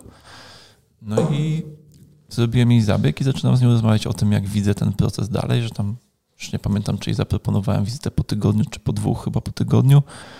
E, no i że no, musimy zacząć z tym pracować i zaczynam jej tłumaczyć, że no jest to i a, ale widzę, że jakby ja zaczynam do niej mówić, a ona jakby usiadła jest mocno zdziwiona i jakby jest, tworzy się dziwny klimat. Mm, No i ona mówi, ale wie pan, bo ja się dalej czuję tak samo. Ja mówię, no nie dziwi mnie to, bo ma pani problem od 6 miesięcy, który nie poddaje się terapii i nie poddaje się leczeniu farmakologicznemu, więc nie zakładam, że e, będzie jakiś efekt wow, nie? Jakby raczej nie spodziewam się spektakularnych efektów, raczej widzę to jako pewien proces, w którym najpierw przez jakiś czas ciężko mi powiedzieć, jaki będziemy wychodzić z bólu, a potem trzeba będzie się mocno zastanowić nad kwestią profilaktyki, nad wprowadzeniem pewnie ćwiczeń w którymś momencie. Natomiast myślę, że to jeszcze nie jest etap na to, żeby o tym rozmawiać, no bo, bo na razie ciężko się pani po prostu funkcjonuje. Nie? E, I no moje podejście jest takie, że zwykle robię pierwszą terapię i po powiedzmy tygodniu dowiaduje się od pacjenta, co się zmieniło, a co się nie zmieniło, i na tej podstawie decydujemy, w jakim kierunku idziemy dalej. No i to się kompletnie rozjechało, bo pani mówi, no ale nie no wie pan, bo ja dostałam tutaj polecenie do pana i, i czytałam jakby bardzo dobre opinie i no myślałam, że mi pan coś pomoże. Ja mówię, no bo zakładam, że pani pomogę, natomiast ja nie jestem czarodziejem, tylko terapeutą i to jest, ma pani bardzo poważny problem. Ja mówię, to nie, jakby samo to, że ból trwa 6 miesięcy, to nie jest normalne. To, jest, to wskazuje na to, że problem jest poważny. Oczywiście yy, nadmienię, że pani miała badania obrazowe i tak dalej, więc jakby tutaj, yy, jeżeli chodzi o jakieś potencjalne patologie, to, to, to jest, było czysto. Yy,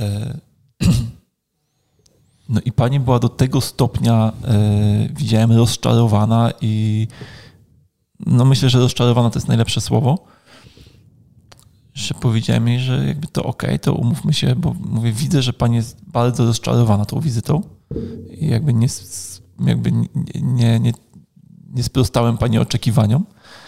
Ja mówię, to umówmy się tak, że, bo ja mówię, uważam, że powinna pani komuś zaufać, nie zmieniać jakby co chwila terapeuty i szukać twórcy, tylko komuś zaufać i z kimś iść w procesie. W związku z czym umówmy się tak, że dzisiaj pani nie płaci, proszę przyjść na następną wizytę i zobaczymy jak jest. Tak? I postanowimy co dalej. No i pani nie przyszła już na drugą wizytę. Nie, to, co, czego nie powiedziałeś, a co padło też w rozmowie z tą pacjentką, to to, że ona powiedziała do ciebie, że Czyli zostawia to pan po mojej stronie. A tak, bo ty zaleciłeś jej jakieś tam działania nie? pod kątem zmiany e, różnych e, kwestii w codziennym funkcjonowaniu i, i pacjentka... Wiesz co, to nawet nie były, przepraszam, bo tak dobrze mi przypomniałeś, bo ja nawet jej nie dałem jakby jakichś specyficznych zaleceń, tylko ponieważ ona jakby w, tam z wywiadu było, że są pewne czynności nasilające objawy i są pewne czynności czy pozycje, które te objawy zmniejszają. I powiedziałem jej, że w miarę możliwości zalecam jej, żeby e, spędzała jak najwięcej czasu bez bólu. Że ja rozumiem, że ona musi normalnie funkcjonować, natomiast żeby w miarę możliwości unikała czynności, które wywołują objawy i w miarę możliwości spędzała jak najwięcej czasu w pozycjach i aktywnościach, które te objawy minimalizują lub pozwalają im się wycofać. I że moim zdaniem im więcej udaje się czasu w najbliższym okresie spędzić bez bólu, tym lepiej dla niej, tym jakby większy potencjał dla organizmu, żeby sobie z tym problemem poradzić, nie? bo każde jakby wywołanie silnego bólu jest w pewnym sensie jakby pobudzaniem tego problemu na nowo. Nie? I ona na to mówi, czyli zostawia pan to po mojej stronie, tak? Czyli jak po prostu będę, nie wiem, tam leżeć i nic nie robić, to będzie dobrze. Ja mówię, no nie zostawiam tego po pani stronie. Ja mówię, natomiast wydaje mi się, że to jest jakby bardzo logiczne, że powinna pani unikać bólu. Natomiast niestety wiem, że jest duża grupa pacjentów, którzy wychodzą z takiego założenia, że, że damy radę, nie? albo że ten ból mnie nie złamie i że pomimo tego, że mnie boli, to posprzątam do końca. Nie? Ja zawsze tłumaczę to pacjentom w taki sposób, że to jest jak. robię takie porównanie, że to jest jak grzebanie w otwartej ranie.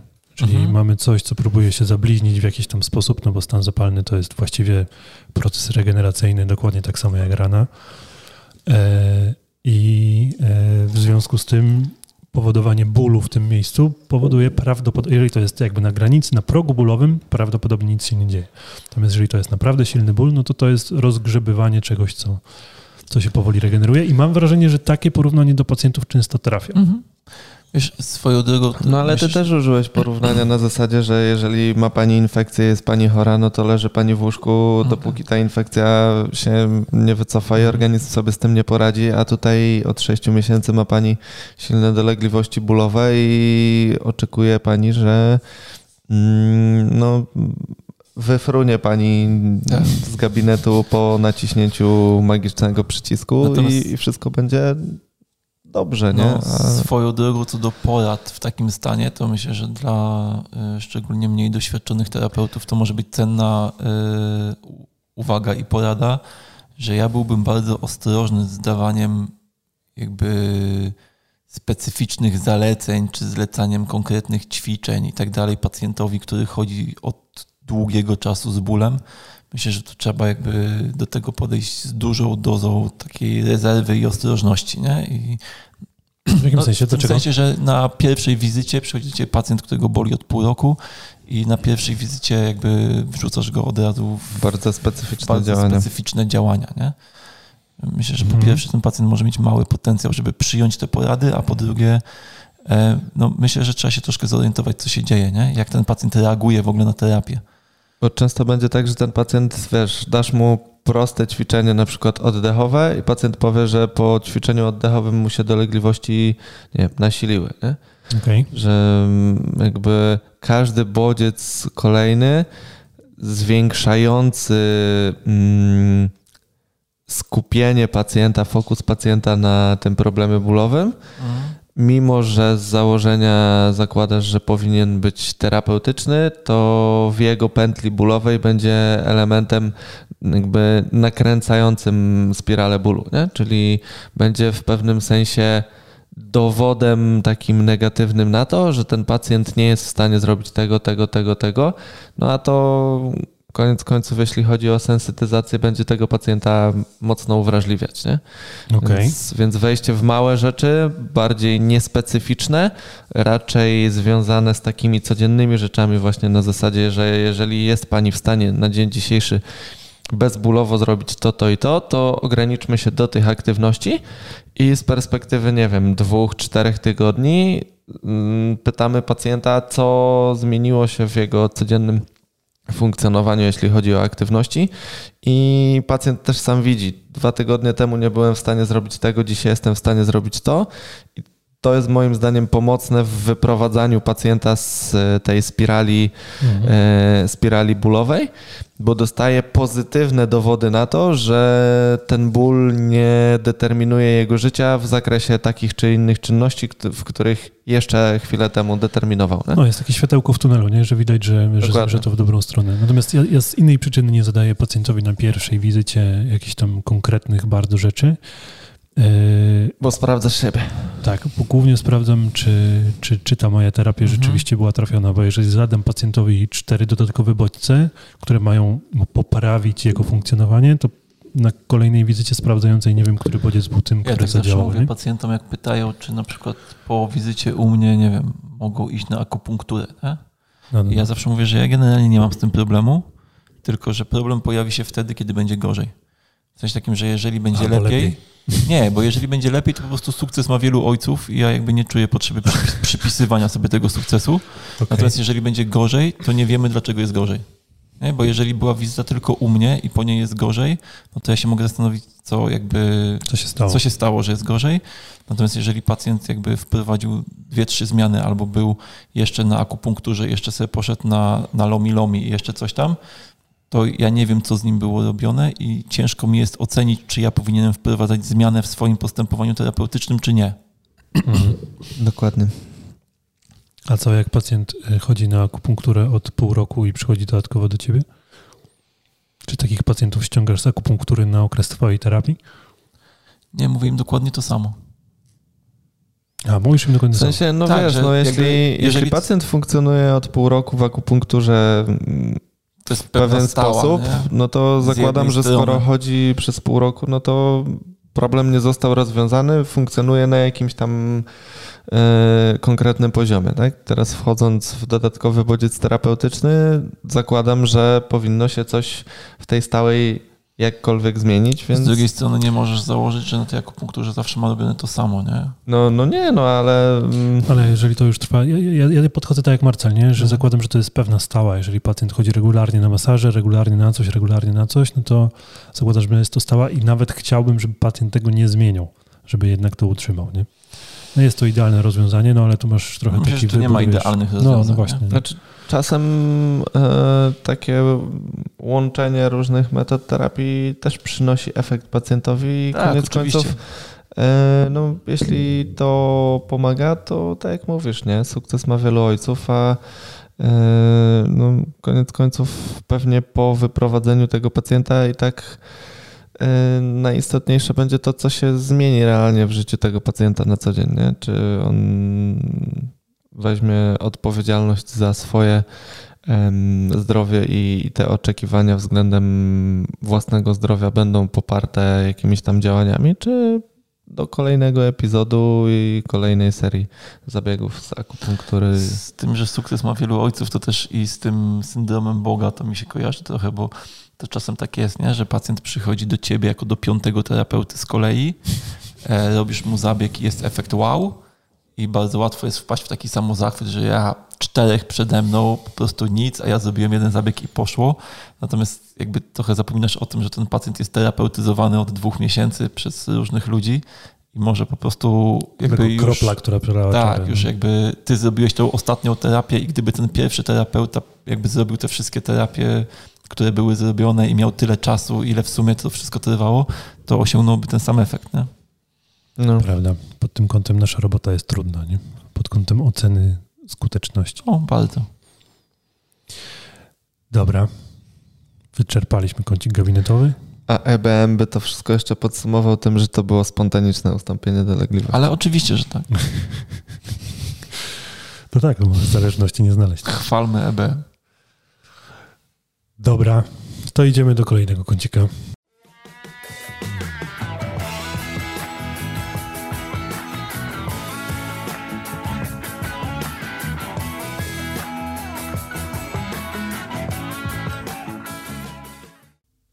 Myślałem, że będziesz dalej tańczył. Nie. Do jingla. Dobrze. Temat główny tego numeru. Pomyślałem, że skoro zawsze mamy e, tematy związane właściwie z pracą gabinetową i a słuchają nas często młodzi terapeuci, którzy niekoniecznie mają swoje gabinety, ale na pewno szukają jakichś kursów, które mogliby zrobić. I pomyślałem, że możemy może polecić, może nie konkretnie kursy, chyba że chcecie polecić jakieś konkretne kursy, to proszę bardzo. Natomiast Swoje chcę polecić. swoje to będziemy polecać zaraz. Myślałem, że wiesz, zapniemy taką klamrą na końcu, że niby przypadkiem. Nie, ale Nie, chodzi, mi o to, chodzi mi o to, że em, czy są jakieś takie cechy, jakby, czy są jakieś takie kursy, które polecamy dla młodych terapeutów, dla niemłodych terapeutów, coś konkretnego, jakieś wspólne mianowniki dla tych, które kursy warto robić, których nie warto i przede wszystkim najlepiej ze swojego doświadczenia, wydaje mi się, więc co na przykład Kuba, ty cynisz w kursach najbardziej. Wiesz co, ja bym ugryzł ten temat trochę z Integracja. strony. Integracja.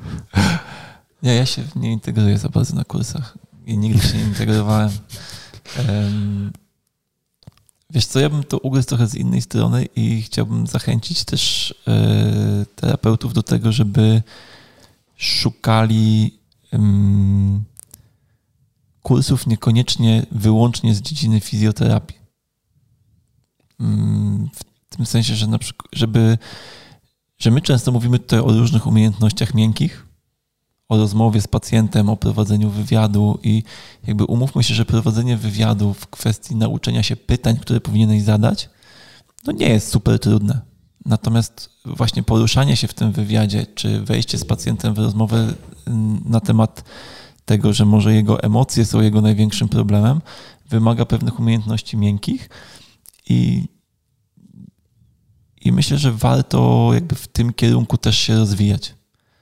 Dlatego teraz właśnie słucham em, tego cyklu wykładów Jordana Petersona na temat osobowości i wykupiłem sobie kurs e, u niego, taki online'owy i myślę, że to jest taki aspekt, o którym rzadko się mówi, natomiast myślę, że jest on bardzo istotny, nie? Że, żeby nie rozwijać się wyłącznie w kwestii technik terapeutycznych czy kolejnych metod, ale też e, zastanowić się, bo jakby w ogóle wielkim kłamstwem jest to, że jak ktoś, nie wiem, z, kończy dużo kursów różnych metod, to będzie super terapeutą.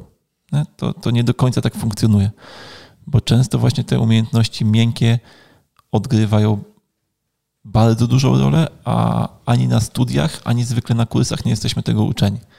I to jakby trochę zostaje po naszej stronie, więc tak jakby z tej strony bym chciał ugryźć ten temat, że może warto się zastanowić, czego mi brakuje w gabinecie oprócz technik. Nie? Który aspekt wizyty nie do końca mnie satysfakcjonuje, nie? albo kiedy czuję się nieswojo w czasie wizyty nie? i z czego to wynika. Mhm. Okej. Okay. Marcin? Znaczy, ja nie będę polecał konkretnych kursów, bo. Mm, bo nie robimy reklamy konkurencji, no. Dokładnie tak. E, bo mm, prowadząc kursy, dostrzegam bardzo mm, jakby taki proces, który mm, odbywa się w naszym kształceniu, który jest niechronologiczny. Czyli zdobywamy narzędzia w postaci technik diagnostycznych i terapeutycznych, a pomijamy kontekst zastosowania tych narzędzi, czyli nie mamy wiedzy do tego, żeby z tych narzędzi korzystać. I pomijamy aspekt mm, handlingu, obycia z pacjentem y, jako elementu, który ma nam usprawnić wykorzystanie tych narzędzi albo mm, zwiększyć efektywność naszego wykorzystania tych narzędzi. Mam na myśli oczywiście aspekty związane z palpacją, z umiejętnością jakby pozycjonowania sobie pacjenta w ramach testów, technik, umiejscowienia siebie przy leżance, przy pacjencie. Jest wiele rzeczy, czy wiele trudności, na które możemy się natknąć w ramach stosowania danej konkretnej techniki i mam wrażenie, że chęć posiadania coraz bogatszego narzędziownika zabiera e, sprzed jakby naszego obrazu to, że mm, umiejętność odtworzenia techniki w sytuacji mm, potencjalnie łatwej, czyli u szczupłego pacjenta, u niewielkiego pacjenta, u pacjenta, który jest w ogólnie dobrym stanie, tak? E, jakby no, taką technikę możemy sobie odtworzyć, nie? Problem pojawia się w sytuacji, kiedy w gabinecie się pojawiają trudności, bo mój pacjent jest, nie wiem, większy, bo e, jest w takim stanie, że zrobienie tej techniki w takiej pozycji jest e, trudne i musiałbym tą technikę zmodyfikować, ale nie za bardzo wiem, jak ją zmodyfikować, bo nie znam kontekstu wykonania tej techniki, więc nauczyłem się jakiegoś rękoczynu, który koniec końców nie ma większego sensu. Więc ja bym mimo wszystko tutaj nawoływał do spojrzenia na temat kształcenia się fizjoterapeutycznego w taki sposób, żebyście mm, wybierając swój pierwszy kurs, kierowali się tym, co y, w waszym odczuciu na ten moment mm, z czym się dobrze czujecie. Tak? Co, coś, co z perspektywy tej narzędziowej będzie powodowało, że wykonując te narzędzia, e, spełniacie się w pewnym sensie w swojej pracy. I zdaję sobie sprawę, że ciężko wybierając swój pierwszy kurs wiedzieć takie rzeczy, no bo nie mamy prawa tego wiedzieć. Natomiast no, obserwujecie różnych terapeutów, być może sami odbywacie jakieś e, wizyty u, u, u, terapeutów, bo macie jakieś tam problemy i jesteście w stanie zaobserwować, czy bardziej Was interesują jakby, yy, miękkie techniki, twardsze techniki, czy może bardziej praca poprzez ruch z pacjentem. I jak już wybierzecie sobie tą drogę na początek dla siebie, to ja zachęcam bardzo mocno do tego, żeby dać sobie czas w ramach zaprzyjaźnienia się z tymi narzędziami, które tam dostaniecie. Bo to, co jest dla mnie strasznie niepojęte i to, co też jakby mnie trochę dojechało w trakcie studiów osteopatycznych, to to, że my kilka, e, kilkukrotnie, kilkunastukrotnie w ciągu roku odbywamy kurs, który daje nam nowe narzędzia w momencie, kiedy w ogóle nie odnieśliśmy się jeszcze i nie zbudowaliśmy sobie kontekstu do tych, które przerobiliśmy wcześniej. Nie?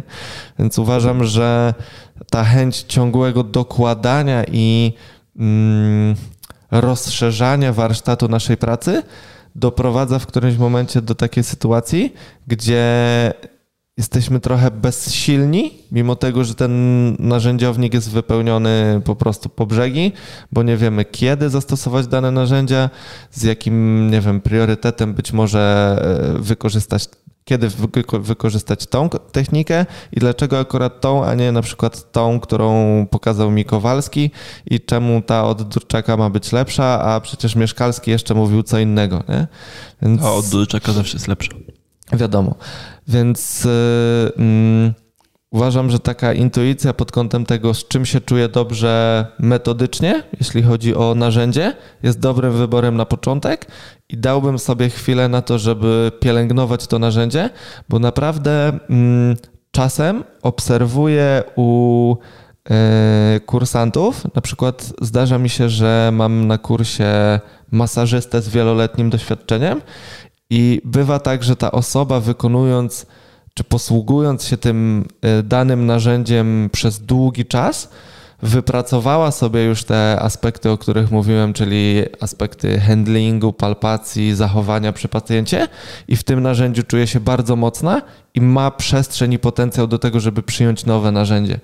A wiele osób, y, które obserwuję, że tam z kursu na kurs i jakby rozszerzamy cały czas ten zasobnik y, naszych narzędzi, mm, jest problem z tym, żeby w ogóle podejść do pacjenta, nie? żeby jakkolwiek złapać kończynę, odnaleźć się w przestrzeni, z którą będziemy pracować.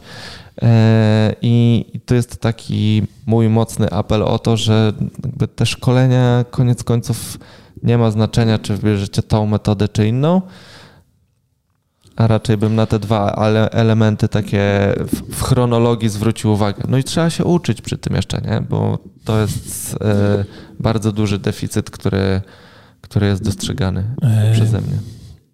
Ja myślę, że ten dobry początek nie jest dobry. Jeszcze tylko, przepraszam, nie chciałbym zabrzmieć tutaj z perspektywy, że wypowiadam się z perspektywy kogoś, kto stawia się ponad tymi osobami, o których mówię, bo sam tą drogę przeszedłem, sam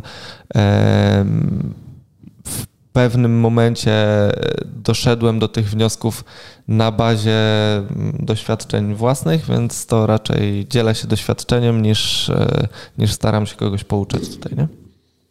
Ja myślę, że dobrym pomysłem jest zrobienie pierwszego szkolenia takiego bardzo ogólnego, a nie wybieranie jakiejś bardzo specjalistycznej metody, bo problemem pod, problem potem jest taki, że jeżeli wejdziemy w jakąś bardzo specjalistyczną metodę, nie wymieniając żadnej z nazwy, to yy, a nie mamy jeszcze zbyt dużego doświadczenia takiego, tak jak ty mówisz, z handlingu pacjenta i tak dalej, i tak dalej, albo gabinetowego po prostu doświadczenia, to wszystkie problemy, które znajdziemy u pacjentów, będą problemy, które są zaopatrywane przez tą jedną bardzo specjalistyczną metodę.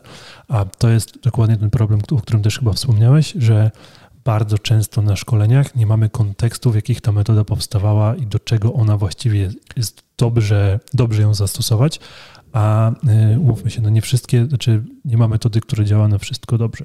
No, jeszcze dodam jedną ważną rzecz, że nawet jedno to to, że nie mamy doświadczenia, ale często na początku nie mamy wiedzy, która pozwalałaby nam weryfikować to, dlaczego mam zastosować tą metodę e, i nie mamy możliwości zadawania pytań, które mm, rozwiewałyby wątpliwości, które w toku stosowania tej metody się, się pojawią. Nie? Więc będziemy po prostu stosować tą metodę, bo bo przyjmiemy za mm, pewnik to, co powiedział jakby instruktor i prowadzący. No, tracimy taki ogólny obraz, nie? Mamy jakby bardzo takie wąskotorowe patrzenie i patrzymy tylko pod tym jednym danym kątem, a nie, nie jest to najlepsze powiedzmy dla naszych pacjentów. Ale myślę, że też na początku swojej drogi miałem takie doświadczenie, jak byłem asystentem na Akademii Osteopatii w Krakowie, była taka jedna studentka, e, która nie pracowała z pacjentami w żaden sposób.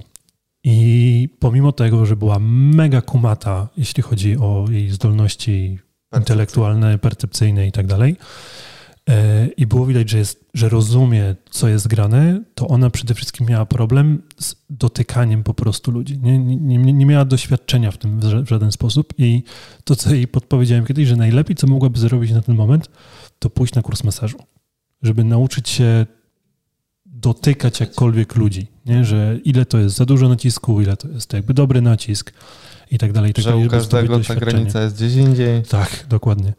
Więc yy, wydaje mi się, że to, co wyciągamy z danych kursów, mocno zależy od nie wydaje mi się, wiem, że tak jest, że to, co wyciągamy z danych kursów, mocno zależy od bazy, którą posiadamy, czyli od naszego doświadczenia i od naszej wiedzy, bo wtedy możemy to włożyć albo rzeczywiście w jakieś takie miejsce, albo, tak jak się to bardzo często dzieje wśród młodych terapeutów, niestety, zrobiliśmy specjalistyczne szkolenie i mamy jakby swoją bazę, która jest nieduża, i specjalistyczne szkolenie, które jest zupełnie oderwane, i zdecydujemy się jakby korzystać tylko i wyłącznie z tych specjalistycznych narzędzi. Nie? Ja, dlatego ja tak lubię drugi moduł mojego kursu, bo tam pokazuje dużo takiej pracy bardziej delikatnej. Nie wiem, czy delikatna to jest dobre słowo, ale no tam... Subtelnej. Subtelnej. I jak sobie dajemy na to trochę czasu tam i wchodzimy w to, to widzę, jak e, ludzie fajnie reagują, nie? Jak właśnie e, ludzie, którzy tego wcześniej nie robili, właśnie uczą się jakby powoli wchodzić w kontakt, powoli wchodzić w kontakt z ciałem pacjenta i, e, i właśnie poznawać te granice, nie? Kiedy mój dotyk, wiesz, gdzie jestem, kiedy mój dotyk jest ok, a kiedy jest za mocny, a kiedy jest za słaby i widzę, jak się, jak, wiesz, ludzie mają, w ogóle po twarzach widać, nie? Że, że, że ludzie zaczynają to kumać i im się to podoba, nie? To jest, to mega jest generalnie uczucie, jak się prowadzi szkolenie i widzisz, że, że, że ludziom to wchodzi, nie? No, że to no, mega. łapią. To jest naprawdę ciężko to porównać z jakimkolwiek innym uczuciem. To jest naprawdę satysfakcjonujące. Ale tak też myślę, że na przykład teraz nie wyobrażam sobie iść na kursy, gdzie miałbym dużo dotykać ludzi, w sensie, gdzie miałbym dużo praktyki, z uwagi na to, że mam takie poczucie, że jeśli chodzi o dotykanie ludzi, już mam na tyle doświadczenia, że raczej potrzebuję koncepcyjnych rzeczy. Natomiast na początku drogi myślę, że kursy, gdzie tej praktyki jest dużo, to, to jest coś, co trzeba zaliczyć na początku po prostu. No musisz żeby wyciągnąć coś potem. Narzędzia, mhm. Żeby wyciągnąć coś potem jakby z kolejnych kursów, to jednak trzeba mieć takie naprawdę solidne podstawy do tego, nie? No ale tak jak mówisz, Marta, wiedza też jest bardzo ważna, nie? Więc, więc trzeba sobie jakoś znaleźć tak naprawdę złoty środek pomiędzy tym, ile wiem, a ile potrafię zrobić. Właściwie jedno wynika z drugiego. To jest też coś, o czym mówię jakby na tym, na tym swoim kursie, gdzie staram się pokazać studentom, że to, co wiedzą, warunkuje to, jak skuteczna będzie ich terapia, nawet nie pod kątem samej diagnostyki, ale pod kątem wykonywania już samej terapii. I to jest ten bardzo fajny moment, który na tym szkoleniu w Łomży zaszedł, kiedy ludzie skumali o co chodzi. Podam jeden taki prosty przykład tego, jak te koncepcyjne, yy, koncepcyjne, jak yy, metodyczne założenia w ramach yy, na przykład postrzegania dysfunkcji w ciele mogą totalnie rozmijać się z rzeczywistością e, naszego pacjenta. Jeden z e, akademisiów poprosił mnie ostatnio, żebym będąc w Poznaniu mm, obejrzał jego, jego tatę e, i sytuacja wyglądała tak, że tata, czyli pacjent mm, miał problem chroniczny z perspektywy przełykowo-żołądkowej i mm, i w jego obrazie ciała elementem, który bardzo mocno się zaznaczał, był taki, wiecie, typowo męski brzuszek, który pojawia się w pewnym birceps. okresie. Birceps, nazwijmy go tak. Natomiast e, ten birceps był na tyle mm, jakby nasilony, jeśli chodzi o ciśnienie, że to ciśnienie bardzo istotnie mm, organizowało napięcia, ale też kształt ciała tego pacjenta w strefie tułowia. Nie? I mm, to, co dla e, tego akademisia e, było nie do końca zrozumiałe, to to, że wspomniałem o wysokim ustawieniu przepony u jego taty, Natomiast wspomniałem, jakby wysokie ustawienie przepony to jest tak zwana dysfunkcja wydechowa, nie? czyli mhm. przepona nie jest w stanie zejść w dół i nie był w stanie tego do końca e, sobie zwizualizować, bo przy wysokim ustawieniu przepony żebra powinny być w jakimś stopniu zapadnięte, tak? bo jeśli przepona jest uniesiona do góry, no to żebra nam na wydechu zmierzają, w, jeśli chodzi o łuki żebrowe, w kierunku linii pośrodkowej.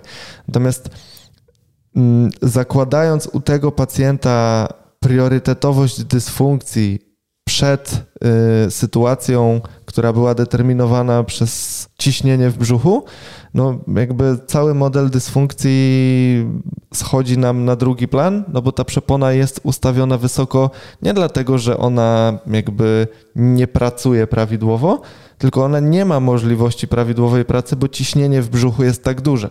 Więc ten pacjent miał taką sytuację, w której żebra były ustawione wdechowo, a przepona wydechowo i w związku z tym jakby w ramach oddechu dochodziło do paradoksalnego oddechu, czyli żebra zachowywały się podczas wydechu tak, jak powinny się zachowywać podczas wdechu. Tak? Więc e, bardzo ciekawa sytuacja do analizy biomechanicznej, tylko w sytuacji tego pacjenta ta analiza biomechaniczna nie miała aż takiego dużego e, sensu i wartości, bo biomechanika była bardzo mocno zdeterminowana tym, co dzieje się w kontekście ciśnienia u tego pacjenta. I bez realnego wpływu na to ciśnienie na poziomie jamy brzucha, interpretowanie pojedynczych, specyficznych dysfunkcji w ciele tego pacjenta jest tak naprawdę raz, że niemożliwe, a dwa, że próba podejścia do pracy w sposób specyficzny z takim pacjentem, no nie przyniesie efektu. Nie przyniesie efektu, nie? Tym bardziej, że klatka piersiowa była już tak ograniczona, jeśli chodzi o przestrzeń e, swoją, nazwijmy to, życiową, że ruchomości tej klatki piersiowej i kręgosłupa piersiowego nie było praktycznie w ogóle, nie? Więc e, no, znowu, objaw pacjenta bardzo specyficzny, natomiast czy my jesteśmy w stanie specyficznie do terapii tego pacjenta podejść, nie? Czy, czy ja jestem w stanie zaopatrzyć refluks y, u tego pacjenta i uczucie guli w gardle w momencie, kiedy się źle odżywia, w momencie, kiedy tak istotny czynnik moduluje mm, samą anatomię tego pacjenta, jeśli chodzi o kształt jego ciała. Więc mm, fajnie jest uczyć się narzędzi, fajnie jest dostać od prowadzącego informację, że jak masz pacjenta z refluksem, to dobrze jest zrobić taką technikę, dobrze jest mu popracować tu z żebrami, tu z przeponą. Praca z przeponą tego pacjenta, no umówmy się, że specyficznie nierealna, tak? Tam jakby ciśnienie w brzuchu e, wywierało taki wpływ na tą przeponę, że chcąc cokolwiek zmodulować, e, no raczej odbijamy się od brzucha niż e, realnie wpływamy na napięcie przepony, więc to jest właśnie to, o czym mówię, że to, o czym wspominałem wcześniej, że ten handling z pacjentem, umiejętność dostrzeżenia, że jakby nie technika determinuje terapię, tylko pacjent determinuje terapię, to jest coś, czego nie nauczymy się robiąc kurs za kursem, kurs za kursem i skupiając się tylko na tym, żeby no, pogłębiać czy poszerzać swoją walizkę z narzędziami. Nie? takie moje jakby przemyślenia e, z ostatnich miesięcy szkoleniowych 2021, e, no i oczywiście pracy gabinetowej, nie? Bo... Ale jakbyś mu strzelił z piersiowego, to byłoby mm. lepiej. nie było takiej opcji, żeby mu strzelić z piersiowego, nie? W sensie jakby odbiłbym się jego trampoliny, bo to jest ten typ odcinka piersiowego u, u pacjenta, nie? Zresztą tam był przebyty Scheuermann też, więc myślę, że możliwość pyknięcia z piersiowy... Znam jednego, co by dał radę. Tarek też go zna. Tak? No nasz kolega Bulak, nie? on uważa, że jak nie wiesz, co zrobić, to Strzelę z piersiowego. Nie wiadomo co, ale coś się zadzieje. Myślę, że to krzywdzące dla Mateusza, co powiedziałeś. Ja ale... oczywiście żartuję i jeśli Mateusz tego słucha, to oczywiście wie o tym, że ja żartuję. Bo zupełnie szczerze uważam go za bardzo, bardzo dobrego terapeutę, który ma Ej, ale Bulak to coś swoją, swoją drogą ma takie łapy, że... Ma taką jest... łapę, że to jest szok. No. Coś jeszcze miałem mówić, ale zaczęliście opowiadać o Bulaku, więc się rozmarzyłem. Nie wiedziałem. Mateusz, pozdrawiamy cię wszyscy. Dokładnie. A jest coś, czego nie lubicie jakoś wybitnie na szkoleniach, jak jesteście? Ja, ja nie lubię takiego przekonania o swojej zajebistości Jezu, prowadzącego. W tym sensie, że moje jest bardziej mojsze i jakby nie zostawia pola do interpretacji kursantom, tylko stara się narzucić swój sposób myślenia. Nie? I jak słyszę, że e, jak pacjent ma jakiś tam problem, to trzeba zrobić tak i tak, to mnie to jakby mierzi niesamowicie. Nie? Ja nie lubię, jak instruktor jest głupi. O. No można by to było krótko, Nie, no się- krótko tak zde, jakby zdefiniować to. No nie, bo ja byłem na takim kursie, już nie będę wymieniał nazwisk, żeby tam nie było, ale wiele osób się pewnie domyśli. Byłem na kursie kiedyś metody Mackenzie'ego, gdzie prowadzący e, generalnie większość czasu spędzał wyśmiewając wszystkie inne metody, a w ogóle manipulacje to jest w ogóle poniżej jakiejkolwiek krytyki, robienie komuś manipulacji, czy w ogóle terapii manualnej. Po czym w następnym zdaniu opowiedział o tym, że są pacjenci, ma takich pacjentów, którzy przychodzą do niego tylko na docisk. Bo tam jest jakby jest taka progresja siły terapeutycznej w McKenzie, nie? że pacjent robi tam przeprosty w odciążeniu, czy ruch w odciążeniu w, w, z, do, z dociskiem własnego ciała, tam z dociskiem oddechu, z dociskiem terapeuty i z impulsem, czyli krótko mówiąc z taką bardzo niespecyficzną manipulacją, gdzie kładziesz pacjentowi ręce na kręgosłupie, on na przykład robi przeprost i ty na końcu robisz impuls. Czyli krótko mówiąc w bardzo niespecyficzny sposób go manipulujesz i on jakby w jednym zdaniu wyśmiewał ludzi, którzy robią manipulację pacjentom, a w drugim zdaniu powiedział, że ma sporo pacjentów, którzy jak ich zaboli, to przychodzą do niego tylko na docisk, na ten Mhm. impuls. Także jakby zdanie po zdaniu po prostu idealnie. Ale on nie robi manipulacji. Robi nie, docisk. on robi y, przeprost z impulsem. Nie, nie, nie. On up, jakby ustalmy to. On robi docisk. No tak. Z impulsem. Ja bardzo nie lubię, jak, e, jak prowadzący nie pozwala na prowadzenie dyskusji na jakiś temat. W sensie takim, że stawia jakieś takie zdanie, które jest bardzo autorytarnie postawione. Ja tak sobie siedzę, myślę, no zaraz, zaraz, ale to mi się nie spina z tym, więc zadaję pytanie i w odpowiedzi jakby nie słyszę nic merytorycznego do tego, Ja co raz byłem świadkiem. Ciężko ci było na kursach z Jean-Paulem chyba, co? No, jakby bardzo często zadawałem pytania, tylko tutaj widzisz, dostawałem merytoryczną No nie, odpowiedź, no dlaczego jasne, jest taka, jasne, nie no. inaczej. Natomiast ostatnio Ale tak, ma ostatnio, taki ostatnio, autorytarny ostatnio charakter. Jean-Paul, y, Jean-Paul Hopner rzucał we mnie kredą, nie? Jak zadawałem mu pytania, to jakby łamał kredę, żeby nie zrobić krzywdy i rzucał we mnie, że, że tak. Że Bo Darek jest tak delikatny, że trzeba ułamać malutki kawałek kredy, żeby nie zrobić mu krzywdy. Natomiast ja byłem, byłem świadkiem, zresztą mówiłem ci kiedyś o tym, byłem świadkiem takiego ekstremalnego przykładu tego, o czym mówisz, gdzie instruktor prowadził kurs właśnie w taki dość autorytarny sposób, po prostu sprzedając y, kursantom prawdy objawione. I był na sali terapeuta, który zadawał merytoryczne pytania. Uważam, y, nawet myślałem nad tym potem, zastanawiałem się, czy te pytania były, bo fakt, że jest to gość, który ma tendencję do zadawania pytań takich trochę pod włos. Natomiast y, uważam, przemyślałem to i uważam, że to były po prostu merytoryczne pytania dotyczące tego, co jest akurat na tapecie. I po którymś takim pytaniu ten prowadzący po prostu totalnie odpalił, mówiąc, że on prowadzi te kursy na całym świecie dla terapeutów, dla osteopatów, dla lekarzy i to jest pierwszy raz, kiedy ktoś próbuje podważyć jego autorytet. Przy czym to po prostu były pytania. Czy wiem, o którym prowadzący mówisz i ten prowadzący ma akurat taką tendencję, że on co kurs mówi, że to jest pierwszy raz, jak ktoś próbuje podważyć jego autorytet. Natomiast no... No tak, no. Nie, więc tego nie lubię, nie? Tego nie lubię, jeżeli nie można... Boga. No, No, może mi trochę się, tak. mi się y, w sensie takim, że ja bardzo lubię, jak prowadzący szkolenie potrafi powiedzieć, że czegoś nie wie. Mhm. bo jak jestem na szkoleniu u kogoś, kto wszystko wie, to to budzi moje poważne e, Pytania. Tak, poważne obawy. No. Ja nie lubię jeszcze y, na kursach mm, takiego spojrzenia na to, że my robimy jakieś specyficzne rzeczy z pacjentem. W sensie takim, że dany test jest na taki mięsień, że dana technika jest na e, taką kość, na taki staw.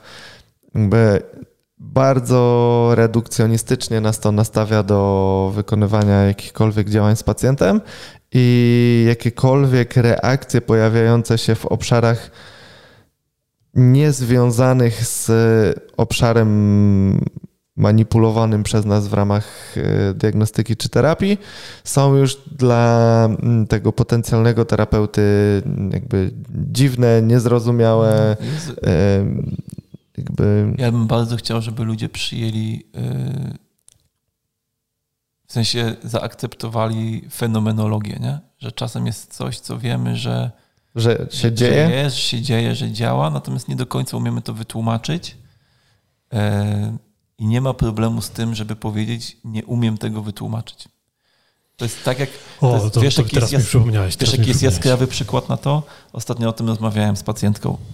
E, terapie, które mają, które się robi dzieciom po cesarskim cięciu, żeby odtworzyć poród. Mhm. Jest to dla mnie takie latanie na miotle, w sensie takim, że jak chcesz odtworzyć warunki porodu? Po pierwsze, masz dziecko, które ma kilka tygodni, tak? Więc to już jest inne dziecko.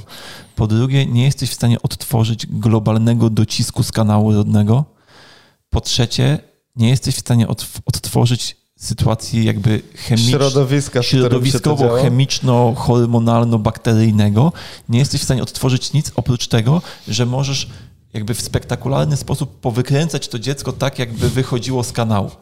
I znowu, jakby ja nie mówię, że te terapie są nieskuteczne, że dzieci jakby nie, e, nie poprawiają, nie się, poprawiają się po tych terapiach, bo czasem robią je bardzo wprawni terapeuci, którzy samym swoim dotykiem bardzo dobrze oddziałują na dziecko i czując jakby dziecko wchodzą w interakcję z jego ciałem bardzo dobrze. Natomiast po co dorabiać tą teorię, która jest no ona nawet nie jest dziurawa jak sito, to jest jedna wielka dziura, nie? To właśnie teraz mi przypomniałeś tym, że nienawidzę tego, jak ktoś dokleja teorię na ślinę. No właśnie. Nie? To jest taki Kiedy... typowy przykład doklejenia teorii bez sensu na siłę, nie? Jak, jak... Znaczy, u, u ciebie na siłę, u niego na ślinę. No, no jak coś... A, na ślinę. Na ślinę. To samo, tak naprawdę to samo ale y, tego nienawidzę na kursach. Rzeczywiście, kiedy jest jakby wykonanie, ktoś pokazuje jakąś technikę i tłumaczy mi, jak ona działa, nie mają zupełnie podstaw do tego. Co innego, jakbym powiedział, słuchaj, jest taka szansa, że działa to w ten sposób, tak. nie mam z tym problemu, nie? Natomiast to działa tak, to, to już naprawdę, tu się kończy moja cierpliwość bardzo często, ale już nie, nie chodzę po takich kursach, więc, więc już mam spokój tak naprawdę.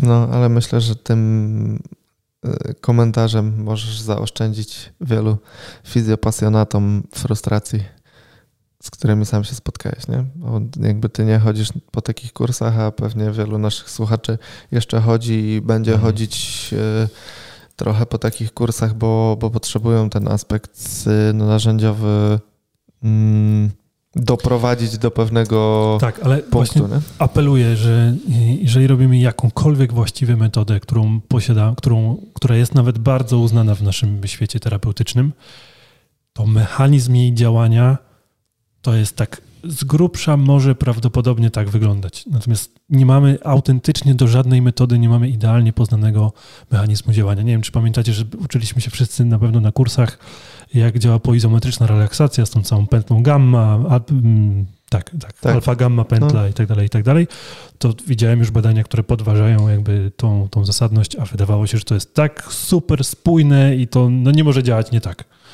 Więc Jezu, ja Co nie zmienia faktu, że, że to, działa. to w dalszym tak. ciągu działa. Dokładnie tak, dokładnie tak. Więc ale błagam, nie, nie, nie doklejajmy teorii na ślinę, szczególnie na ślinę. Szczególnie na ślinę. Szczególnie. Nawet jak ma dużo mucyn i się dobrze klei? Nawet jak ma dużo mucyn. Albo doklej sobie ją na ślinę, tylko powiedz, że ona jest doklejona na ślinę, nie? Okay. Wszystko będzie spoko.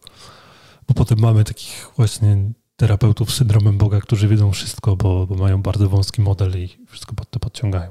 Tak. Dobra. Czy coś jeszcze chcielibyście powiedzieć w temacie szkoleń? Poza tym, że zapraszacie na własne? Żebyście, żebyście e, nie zapominali, że na tych szkoleniach są też osoby, które są w podobnym miejscu co wy, więc nie traktujcie swoich prowadzących jako idoli na tych szkoleniach. Starajcie się spędzać przerwy raczej z innymi kursantami, a nie z prowadzącymi, bo doświadczenia innych osób, e, zrozumienie od tych osób to są też rzeczy, które będą Wam na Waszej ścieżce terapeutycznej bardzo potrzebne i, i taki.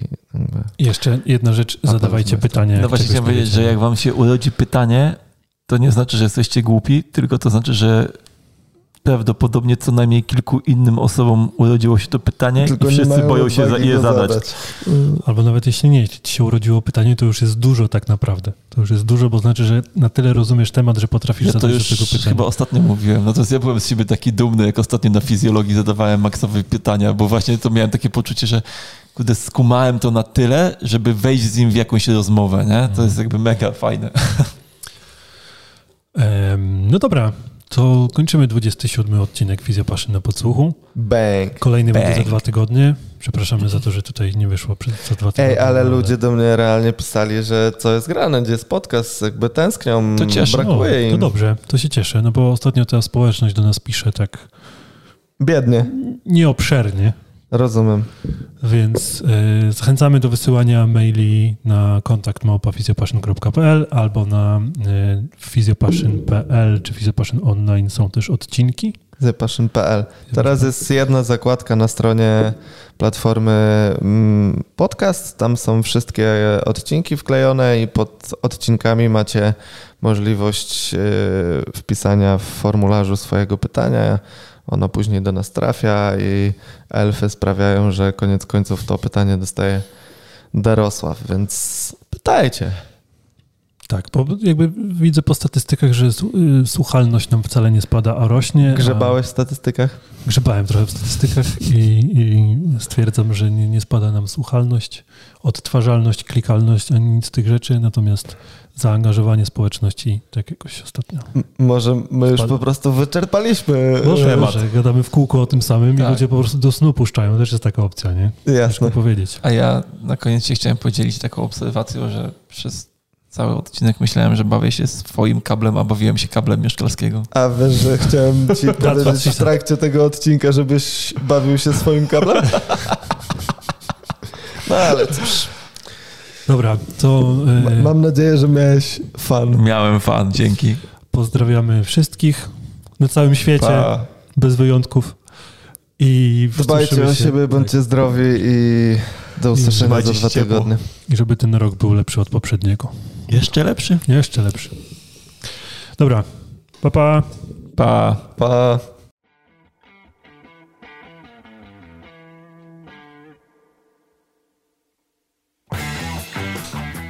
Ciągle dostaję wiadomości z Physiopassion z prośbą o moderowanie mojego wpisu holistyczne zakończenie roku, mhm. które są napisane cyrylicą. Tak. I mam je po prostu kasować. Okay. Tak, y, muszę skonfigurować wtyczkę antyspamową, bo Ukraina zalewa platformę. A po co? Żeby przejąć władzę nad Polską. Dokładnie.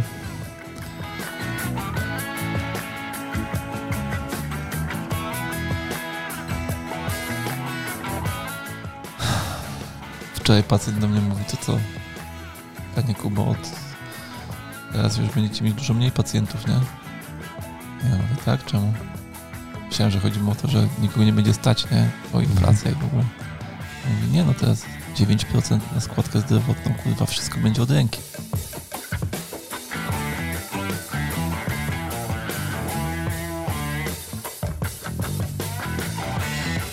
Kobi zaczął grać w NBA. A on dostał ataku serca, tak? Czy coś? Nie, nie helikopterem. No, no, no. E... Co? Co? Jak on, jak on zginął? Helikopter. Helikopter. No, no rozczaskał się helikopterem. On, on był pilotem? Szedł ulicą i nagle uderzył w jego helikopter. Właśnie, dlatego pytam, to pytuję. To też jest przecież opcja. No.